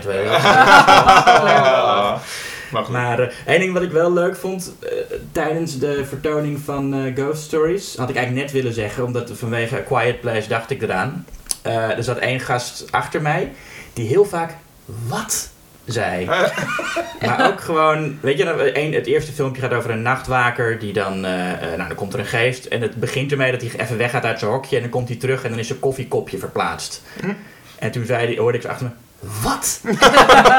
Zo'n hele Ja. ongetrainde horrorkijker. Die gaat overal nog van verrassen. Ja. Nou jongens, Ja, laten top. we afronden. Ik eh, ga nog even mijn riedeltje doen. Eh, iedere laatste donderdag van de maand gaat deze podcast online. Ehm, en eh, nou ja, Julius zei het net al, de nieuwe Schokkend Nieuws, eh, het, het, het tijdschrift met mooie Frankenstein cover, die is nu uit. Die kan je kopen of die ligt op de mat. Ik wil ook zeggen dat jullie moeten luisteren, moeten luisteren naar Julius versus Jasper, ons eh, zusjes podcast of broertje, ik weet het nooit hoe je dat moet zeggen.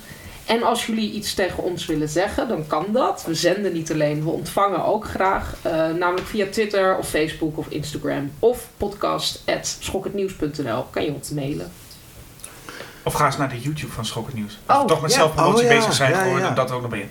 Ja, Klopt. Ja, dat natuurlijk je we YouTube. hadden ook weer eh, Frankenstein. eh, Ook weer Frankenstein. Ja. Ja. dus. Nou, eh, thanks allemaal en eh, tot, eh, tot mei. Ja. Doeg! doei.